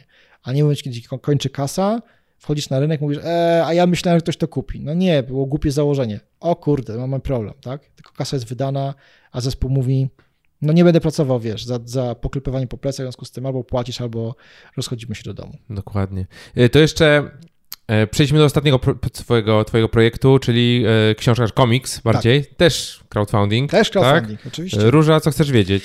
Róża, co chcesz wiedzieć. Komiks... Bliska mojemu sercu moja córka do Róża. No właśnie, Twoja dlatego również, tak? już obiecałem, że, że, że, że, będziesz jednym z pierwszych, którzy otrzymają. Jest to komiks, który wymyśliłem wiele lat temu właśnie po jednej z takich dziwnych, przykrych sytuacji. Moja córka starsza, Róża, przyszła do domu, płakała, bo nie dostała się, nie, nie była możliwa jej uniemożliwiona jej pójście na lekcje z robotyki, mhm. ponieważ mhm. było napisane, że to są lekcje dla dzieciaków, tylko płci męskiej, dla chłopców. No i przyszła zapłakana, bo no, nie rozumiała tego, tak? Dlaczego chłopcy mogą pójść na robot, mhm. bawić się robotami, nie ona? E, ja już nawet tego nie, nie rozmuchiwałem, nie robiłem wokół Jasne. tego zamieszania na moim Facebooku i w ogóle, bo akurat zmieniliśmy szkołę. Mhm. Przykra sytuacja z gatunku naprawdę, gdzie Rzecznik Praw Obywatelskich powinien wkroczyć, ale takich spraw myślę, że są dziesiątki tysięcy w ciągu roku w Polsce. Problem, który widzę, jest taki, że faktycznie kulturowo nadal tkwimy mentalnie w takim bardzo silnie zmaskulinizowanym społeczeństwie, gdzie mężczyźni wykonują te najbardziej super fajne prace, a kobiety siedzą w domach, to no może tam trochę kreatywnych, ale bez, bez przesady. I tu nie mówię z punktu widzenia, że jestem lewakiem, który będzie teraz nas, wiesz, genderyzował i, mhm. i wyciągnął e, flagę zaraz e, tęczową, tylko mówię z punktu widzenia osoby, która siedzi w środowisku IT. Po prostu tak jest. Tak jest. Kobiety niechętnie chodzą na studia um, techniczne, dlatego że tam jest bardzo dużo odsetek facetów, nie czują się komfortowo i mam wrażenie, że po prostu musimy zmienić fundamenty sposobu nauczania. Pewno Wydział Matematyki już trochę ma więcej do powiedzenia pozytywnych historii, ale nadal po tym, co jak widzę, jak funkcjonują firmy, panie nadal, pomimo tego, że mamy XXI wiek i 2020 rok, są po prostu ewenementem, tak? Koterka, pewnie więcej osób pracuje, dziewczyn pracuje w marketingu, w PR-ze, natomiast wiesz, klasycznych deweloperów, osób zajmujących się takim, wiesz, hardkodowaniem, Raczej to się kojarzy Mało. z męskim, męskim mm. zawodem. Więc postanowiłem napisać komiks, który miałby złamać to w takiej postaci, że chciałbym, żeby rodzice kupowali tego typu komiks, który jest też, ma w sobie taki pierwiastek lekcji, lekcji Scratcha i pod pozorem fajnych, prostych treści dla dzieciaków, te dzieciaki się przekonują, że po pierwsze programowanie jest fajne, po drugie uczenie się o kosmosie, o sztucznej inteligencji, o rzeczywistości wirtualnej, mm, o fake newsach, nauce i tak dalej, jest też ok. I wcale to nie musi być nudne i nieprawdopodobnie złożone, tylko może być to fajne. Przy okazji to lekcje programowania, wokół tego będzie też taka narracja, że po prostu hej, interesujesz się czymś, to pogłębiaj to, tą wiedzę, niezależnie od tego, czy jesteś dziewczynką, czy, czy, czy chłopakiem. Zrobiłem taki komiks dwa lata temu, w sensie wymyśliłem go kilka lat temu, ale udało mi się go wydać w 2019 roku, przepraszam, z Helionem. E, I było wszystko ok, tylko wiesz co, ja chcę z tego komiksu zrobić coś więcej. W sensie mhm. stwierdziłem, że chcę zrobić platformę, gdzie będę miał newsletter, będę miał do tego jakieś, jakieś dodatkowe treści i chcę wokół tego zbudować całą społeczność. W związku z tym trochę gdyby zderailowałem ten mój pomysł od takiego prostego wydaje komiks tyle i teraz chciałbym zbudować wokół tego zupełnie jak gdyby nową strukturę i potrzebuję do tego też innego pomysłu, innego twórcy komiksu, który by mi to narysował, innego partnera też, który by mi to wydał, bo będę sam teraz to wydawał, mhm. czyli klasyczny self-publishing i powiem Ci, że cholernie mi się ten projekt podoba, bo widzę jak on powstaje w moich oczach Rysuje go Tomek Minkiewicz, którego ktoś może kojarzyć bardziej z takiego, e, takiej kreski e, dziwnej, bo bo wilk, którego, którego on rysuje, super bohater, tak. jest, jest dziwny, natomiast kreska, którą będzie używał w komiksie jest zupełnie, zupełnie kierowana do dzieci. No, no i Tomek Minkiewicz jest klasycznym, wiesz, super, naprawdę wysokiej półki ilustratorem, komiksiarzem. W związku z tym to, co my tam przygotowaliśmy, ponieważ zaprosiłem do komiksu dziewięcioro wspaniałych ludzi. E, e, Dorota Budzeń będzie mówiła o kosmosie. To jest pierwsza Polka, której sprzęt e, był brany w, do, do misji NASA i ESA. Janina Bąk, czyli Janina Daily, osoba, która będzie mówiła o statystyce i matematyce. Krzysiek Gąciarz, który będzie mówił o odpowiedzialności, byciu influencerem, byciu twórcą internetowym.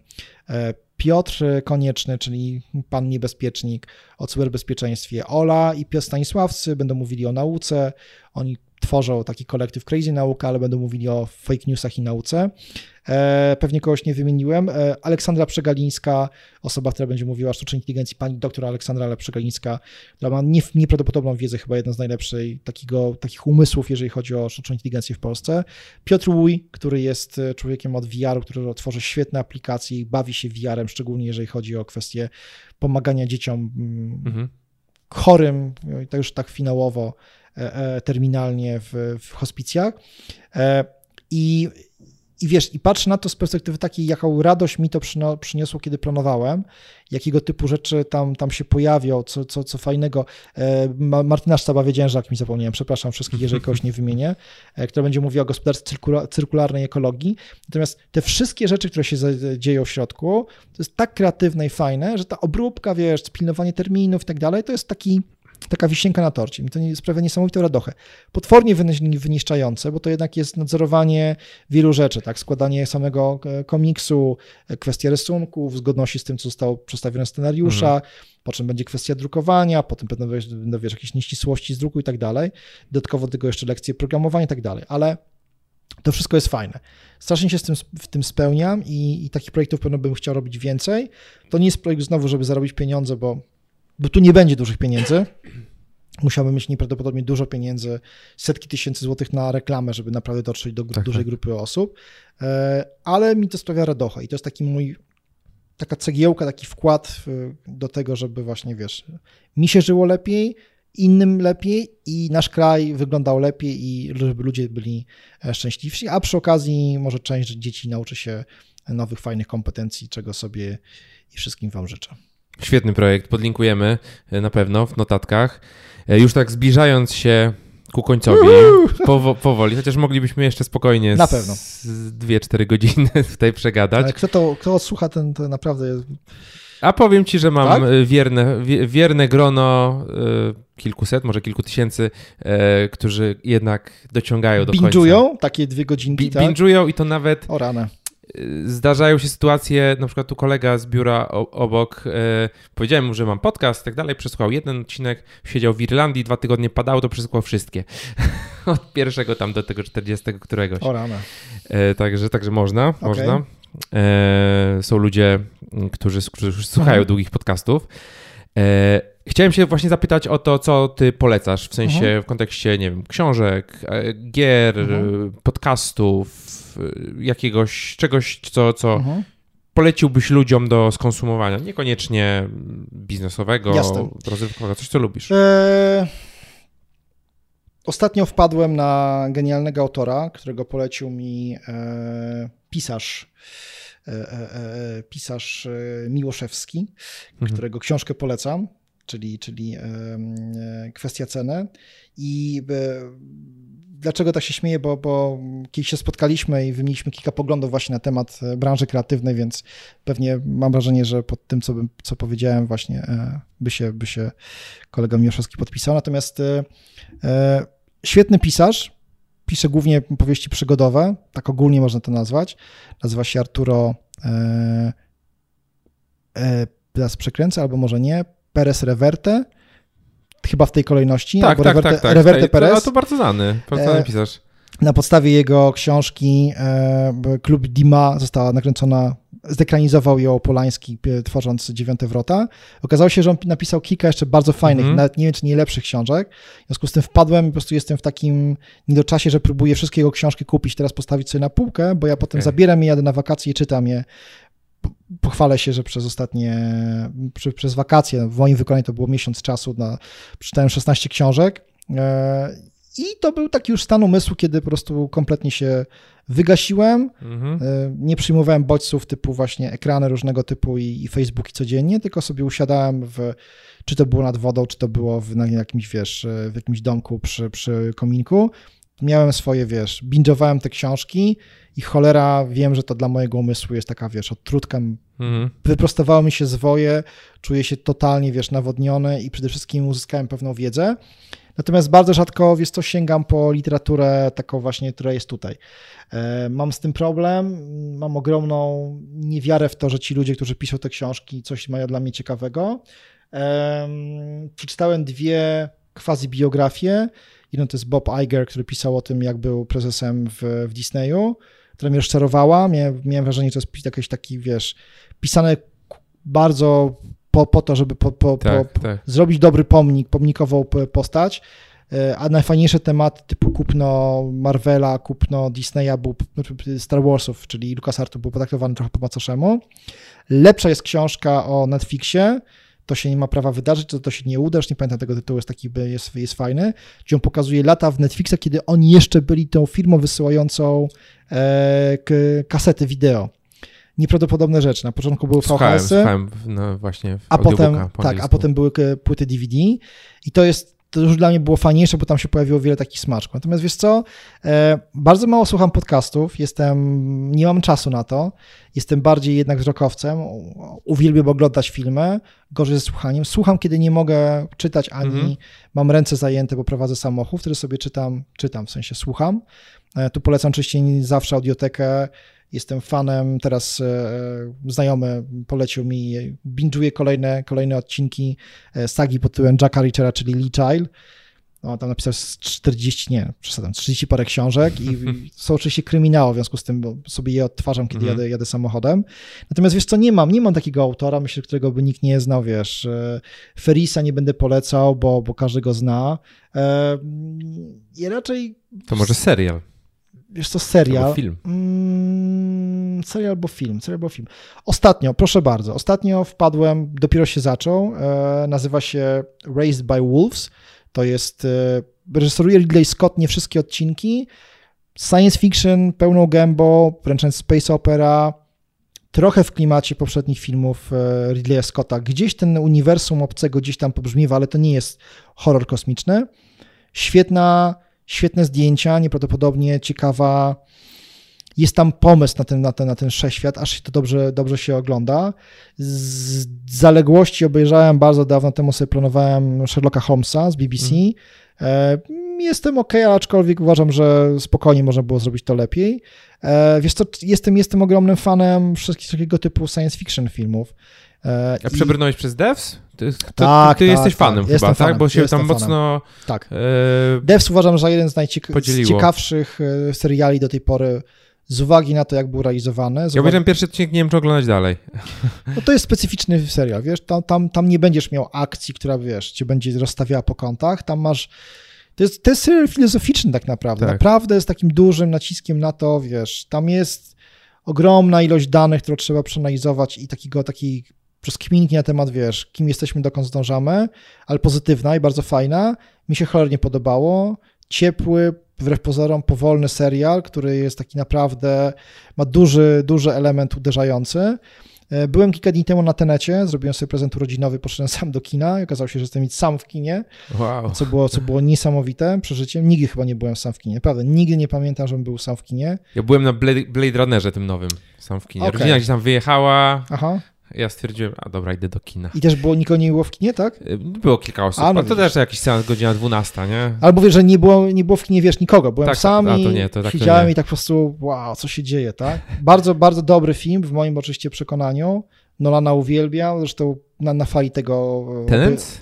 Tenet. Tenet. okej. E, tak samo się pisze i czyta w obie strony. okej. Żeby się- To jest A, takie... okej, okej. E, natomiast... Palindrom. Tak, to jest, to jest coś, co no, tam głęboki sens, oczywiście jest bardzo dużo detali, które trzeba teraz rozkminić.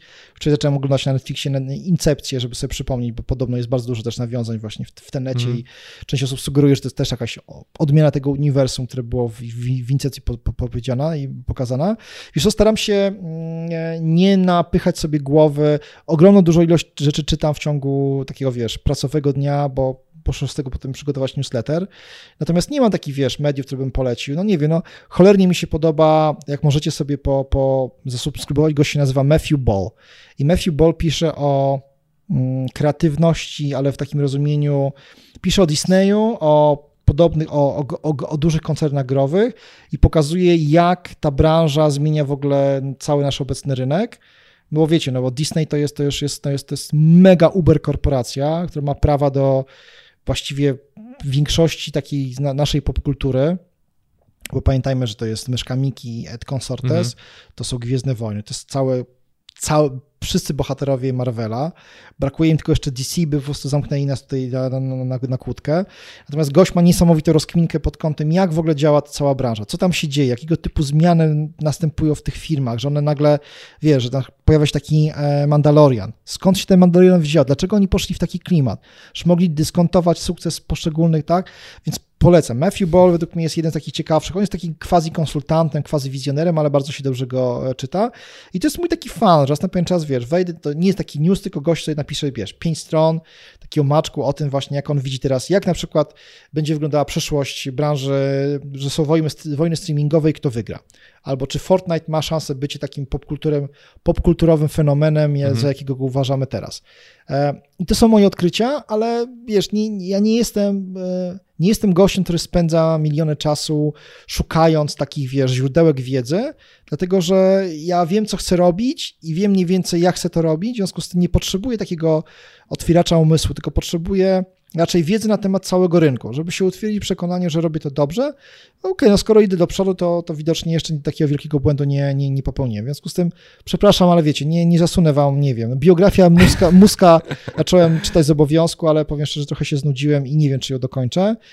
I trochę gdyby nie mam takiej potrzeby, mm, nie czuję, żebym, wiesz, w ogóle, w ogóle biografii nie, nie lubię. Uważam, że to jest w ogóle najgorzej wydane są pieniądze, nie dowiesz się niczego ciekawego, szczególnie dla tych, którzy, dla te biografie ludzi, którzy jeszcze żyją, ponieważ oni nie, po, nie pozwolą napisać czegoś bardzo złego o sobie, a dopiero najciekawsze rzeczy się do, dokonuje, czy do, dowiesz się tych najciekawszych rzeczy o drugiego pokolenia, które obserwowało na przykład swojego Mhm. tatę albo mamę i oni jak dorosną ci powiedzą, wiesz, jaką było osobą. Dlatego czekam na przykład na biografię, mam nadzieję, albo, albo jakąś opowieść o, wiesz, o życiu Steve'a Jobsa o, o, oczami jego, jego synów czy córek. I to uważam, że będzie 100 razy cenniejsze niż e, ta powieść Isaacsona, czy tam, ta książka, którą popełnił. Która pewnie masz. stoi To pewnie kolei. masz. Bo jest fajna. e, Tutaj, tak. Tak, fajnie ją przeczytać, ale wiesz co, tak naprawdę znowu, mam wrażenie, że to jest po prostu tak polerowanie tak. pomnika. Artur, myślę, że przekazałeś i tak poleciłeś Super. Więcej niż goście z 10 ostatnich odcinków, Okej, więc przepraszam. jak mówisz na końcu, że ty nie masz czego polecić, a to ci powiem tylko jedną rzecz, taką śmieszną na koniec, że jak zacząłem wrzucać jakieś takie polecajki typu serial, książka, Mhm. gdzieś tam w newsletterze swoim, Tak. To się okazuje, że bardzo dużo osób to klika, więcej niż w te, w te newsy, że Zoom jest wart 130 miliardów, nie? No widzisz, dlatego za, zaczynam do, zachodzić, e, być może ankietę zrobił, fajnie zapytać się k, swoich czytelników, właśnie czy wiesz, czy jest sens robienie takiego, bo mi to, mi to przywraca ja lubię takie rzeczy. Ja sobie kolekcjonuję te dane, mam to w pokecie i potem wypluwam raz na tydzień właśnie informacje o tym, co tam zrobił, wiesz, kolejna słona walki właśnie Japonii, może Chińczyków z Amerykanami, Apple coś tam, wiesz, znowu staje okoniem, tutaj wycięli Fortnite'a i tak dalej. Ale mam wrażenie, że dużo osób czyta wstępniak i mają w nosie resztę rzeczy, i z drugiej strony uważam, ok, no nikt nie, znaczy wiem, wiem, że niektóre osoby czytają dalsze tak, informacje tak. i się dowiadują i potem linkują, mówią, o tutaj znalazłem tu Artura, natomiast tak, myślę, że najważniejsze cechy na chwilę obecną, to co jest najbardziej fajnego i potrzebnego, to jest kuracja treści. Ja czasami piszę z takim przekąsem, że jestem kuras kurator i że jestem y, digital curator, no bo taka jest moja funkcja. Ja czytam rzeczy, żeby dużo osób nie musiało tego robić tak. i ja wskazuję palcem, co jest fajne, a co nie. Oczywiście nie jestem wyznacznikiem trendów globalnym, ale wiele osób, jeżeli to zrobi, to się nagle okazuje, że, że to, to jest warto faktycznie się w to zagłębić. W związku z tym, tak, sądzę, że podcasty, że newslettery powinny pełnić taką funkcję wskazywania, pokazywania i dawania narzędzi, ale też przemilania tej wiedzy. To trochę może jest takie niesmaczne, co powiem, ale to jest to, że powinniśmy, wiesz, brać tym pożywienie, mm, pomiędlić w ustach, wypluwać i to jest coś, co niestety mają ci kolejni się tym pożywić, dlatego że inaczej jesteś skazany na bańkę informacyjną, na algorytmy Facebooka, Google'a i parę jeszcze innych social mediów. No i w końcu nie wiesz, kto ci podał tego newsa. Tak. Czy on jest za ciebie wartościowy, bo Facebook uznał, czy Netflix ci zaproponował film, bo to jest na podstawie twoich pragnień i wyszukiwań, czy Netflix to zrobił dlatego, że uważa, że powinno ci to się dobrze sprzedać, bo za chwilę wprowadzą drugą, trzecią, piątą część, a ty ewidentnie na to dobrze reagujesz. Więc Kuratorów potrzebujemy, kuratorów sztuki, kuratorów właśnie treści, szczególnie w naszych czasach, kiedy jest ogromna ilość danych. Ja się gubię, ja już, ja już moja głowa pęka, a uwierzcie, że dużo, dużo informacji miele i boję się tego, co będzie za kilka lat, bo tych informacji przyrasta. A powinniśmy naprawdę się interesować bardzo dużą ilością rzeczy, dlatego że wtedy możemy powiedzieć, tylko wtedy możemy powiedzieć, że decyzje podjęte przez nas mają, są logiczne i racjonalne. Inaczej jesteśmy ślepcami, którzy błądzą w mgle, a co gorsza, ta mgła jest stworzona przez różne korporacje w celu takim właśnie, żebyśmy nie do końca widzieli ten cały obraz. Gdzie możemy Cię znaleźć? W sieci mhm. Artura, kuratora AK-74. E, Artura Kuratora. Wiesz co, no, zapraszam na, na pewno mojego bloga, który jest pod adresem kurasiński.com. E, na Facebooku pewnie nie będzie problem ze znalezieniem mnie. Twittera raczej nie korzystam poza jakimiś tam wrzutkami reklamowymi, bo to jest dla mnie medium martwe, z niego korzystają głównie jednak e, dziennikarze i politycy, po prostu Twitter jest taki sobie. LinkedIn jestem, ale znowu, podobnie będę wrzucał jakieś rzeczy informacyjne. Na Facebooku wrzucam większe informacje, w sensie produkuję się, gardłuję, zdzieram, zdzieram głos i tam próbuję walczyć. E, a poza tym, wiesz co, no kurczę, zawsze chętnie odpowiem na maila arturmałparevolver.pl. Możecie do mnie napisać, jeżeli macie jakieś pytanie. Wiem, że bardzo dużo osób powie, a gość tak mówi, ale nie odpowie. Ale naprawdę, najwyżej powiem, że nie mam czasu, ale coś ci odpiszę. Tylko proszę nie piszcie mi 30 pytań i na końcu ze znakiem zapytania, bo to, to, to nie jest ta metoda. Możecie się ze mną tak. mówić na zasadzie, że ja coś wam pomogę podjąć jakąś decyzję, ale to musi być prosty przekaz. Nie zrobię za was researchu, nie zrobię pracy domowej, nie wykonam, e, nie, nie stworzę modelu biznesowego i nie wybiorę inwestora, tak? Także z takimi rzeczami przykro mi, nie pomogę wam, dlatego że uważam, że to są rzeczy, za które powinniście zapłacić. A jeżeli nie chcecie zapłacić albo nie potraficie, to tego biznesu nie możecie zrobić, bo po prostu was na to nie stać, albo nie dojrzeliście do tego, żeby taką decyzję podjąć. W związku z tym od razu uprzedzam, że na pewną kategorię pytań mogę odpowiedzieć sorry, ale to po prostu powinno kosztować bambilion i jak tego bambiliona nie masz, no to, no to widocznie nie jesteś tą osobą, tak? Natomiast w innych kwestiach bardzo chętnie pomagam, więc piszcie do mnie. No i tyle, no i nie siedźcie długo w internecie. Jeżeli słuchaliście przez te dwie, ile? Dwie godziny z kawałkiem? Dwie i pół? 2,20. Yy, 2,20. Jak słuchaliście tego podcastu, yy, oglądaliście to wideo, to teraz pójdźcie na głęboki, duży, długi spacer, pogadajcie z kimś żywym, przeczytajcie jakąś książkę, żeby was, wam się mózg odkręcił, bo to długo czasu jest, naprawdę. Ja jestem już zmęczony, widzę po Boguszu też, że jesteś zmęczony, a wy to pewno już odpadacie. Ja, ja jeszcze mam dzisiaj 10 wywiadów. Nie, nie jestem zupełnie no. zmęczony, ale Artur, to była wielka przyjemność dziękuję dla mnie. E, także dziękuję serdecznie Ci za rozmowę. Super, ja również dziękuję. I to już wszystko w dzisiejszym odcinku. Bardzo Ci gratuluję, że dotarłeś aż tutaj. Artur się zastanawiał, czy ktoś e, słucha tak długich podcastów, więc jeżeli dotarłeś aż tutaj do końca e, tego odcinka, będzie nam super miło, jeżeli e, dasz nam znać, szczególnie możesz oznaczyć nas na przykład na Instagramie e, boguszpekalski.pl i e, kurasiński. E, więc wrzuć jak słuchasz i, i, i oznacz nas, na pewno e, odwzajemnimy twoje udostępnienie, lub jeżeli nie korzystasz z Instagrama, będzie nam miło, jeżeli skomentujesz to gdzieś w social mediach, czy e, bezpośrednio pod podcastem na, na blogu na startupmyway.com. Także wydaje mi się, że to była dawka naprawdę bardzo ciekawej wiedzy, zupełnie inna perspektywa niż taka, e, taka ta, ta mainstreamowa, gdzie wszystko jest super fajnie, ekstra wzrosty, wzrosty, tak? Tutaj porozmawialiśmy trochę trochę bardziej, e, no, będąc lekko takimi sceptykami. E, Artur jest osobą doświadczoną, która siedzi w tej technologii od naprawdę wielu, wielu lat i widzi, jak to się wszystko zmienia i widzi trochę, wydaje mi się, widzi trochę więcej niż, niż taki, taka zwykła osoba, e, bo jest obserwatorem z bardzo dużym, z bardzo dużym doświadczeniem. Daj znać, czy Ci się to podobało i słyszymy się w kolejnych odcinkach. Dzięki i do usłyszenia. Cześć.